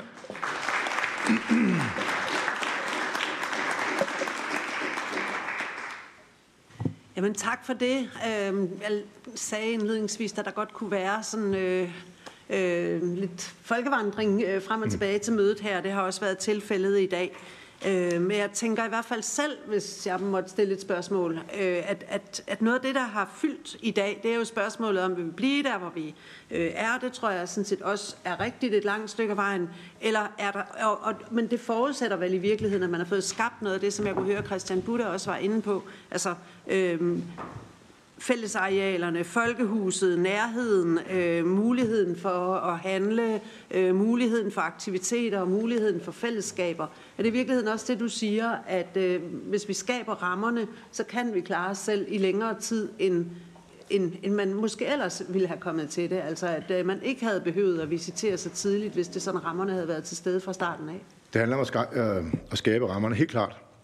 Men det handler også om at skabe nogle hybride former, så det ikke bliver så, så binært, om man skal bo i det her parcelhus, hvor intet er til rådighed, eller bo i et, øh, et botilbud, eller på et plejecenter, hvor det hele er til rådighed. Så vi skal tænke den her fleksibilitet, der ligger i at bygge på den måde, vi gør her, eller ombygge, for det er jo også øh, en vigtig pointe her, når vi ombygger, så skal vi også, også tænke på det her. Så ja, det handler om at stille, øh, skal, hvad det, stille rammerne til rådighed, men det handler også om at sikre, at der er en eller anden form for fællesskab, der gør, at man har lyst til at være en del af det, og gør det attraktivt bestemt. Ja. Hmm. Jeg ser nemlig heller ikke nogen hænder øh, så jeg øh, tror bare, vi vil sige tusind tak for øh, dit oplæg, og ja, tak. tak fordi du vil bidrage til den her høring.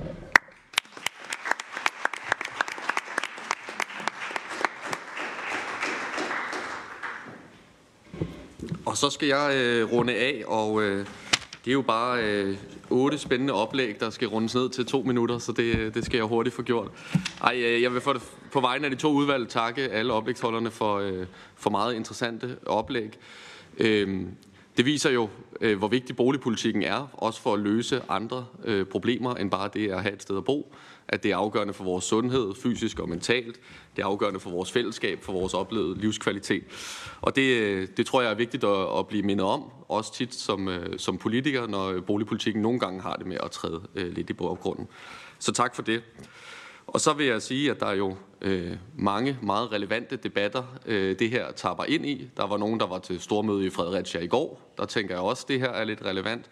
Der står også i regeringsgrundlaget, at der skal laves en boligpolitisk aftale, som jeg ved, Bent også var inde på, og der er det her i høj grad også relevant. Så jeg tror, vi har fået et, et rigtig godt fælles startpunkt for at, øh, at fortsætte øh, de debatter.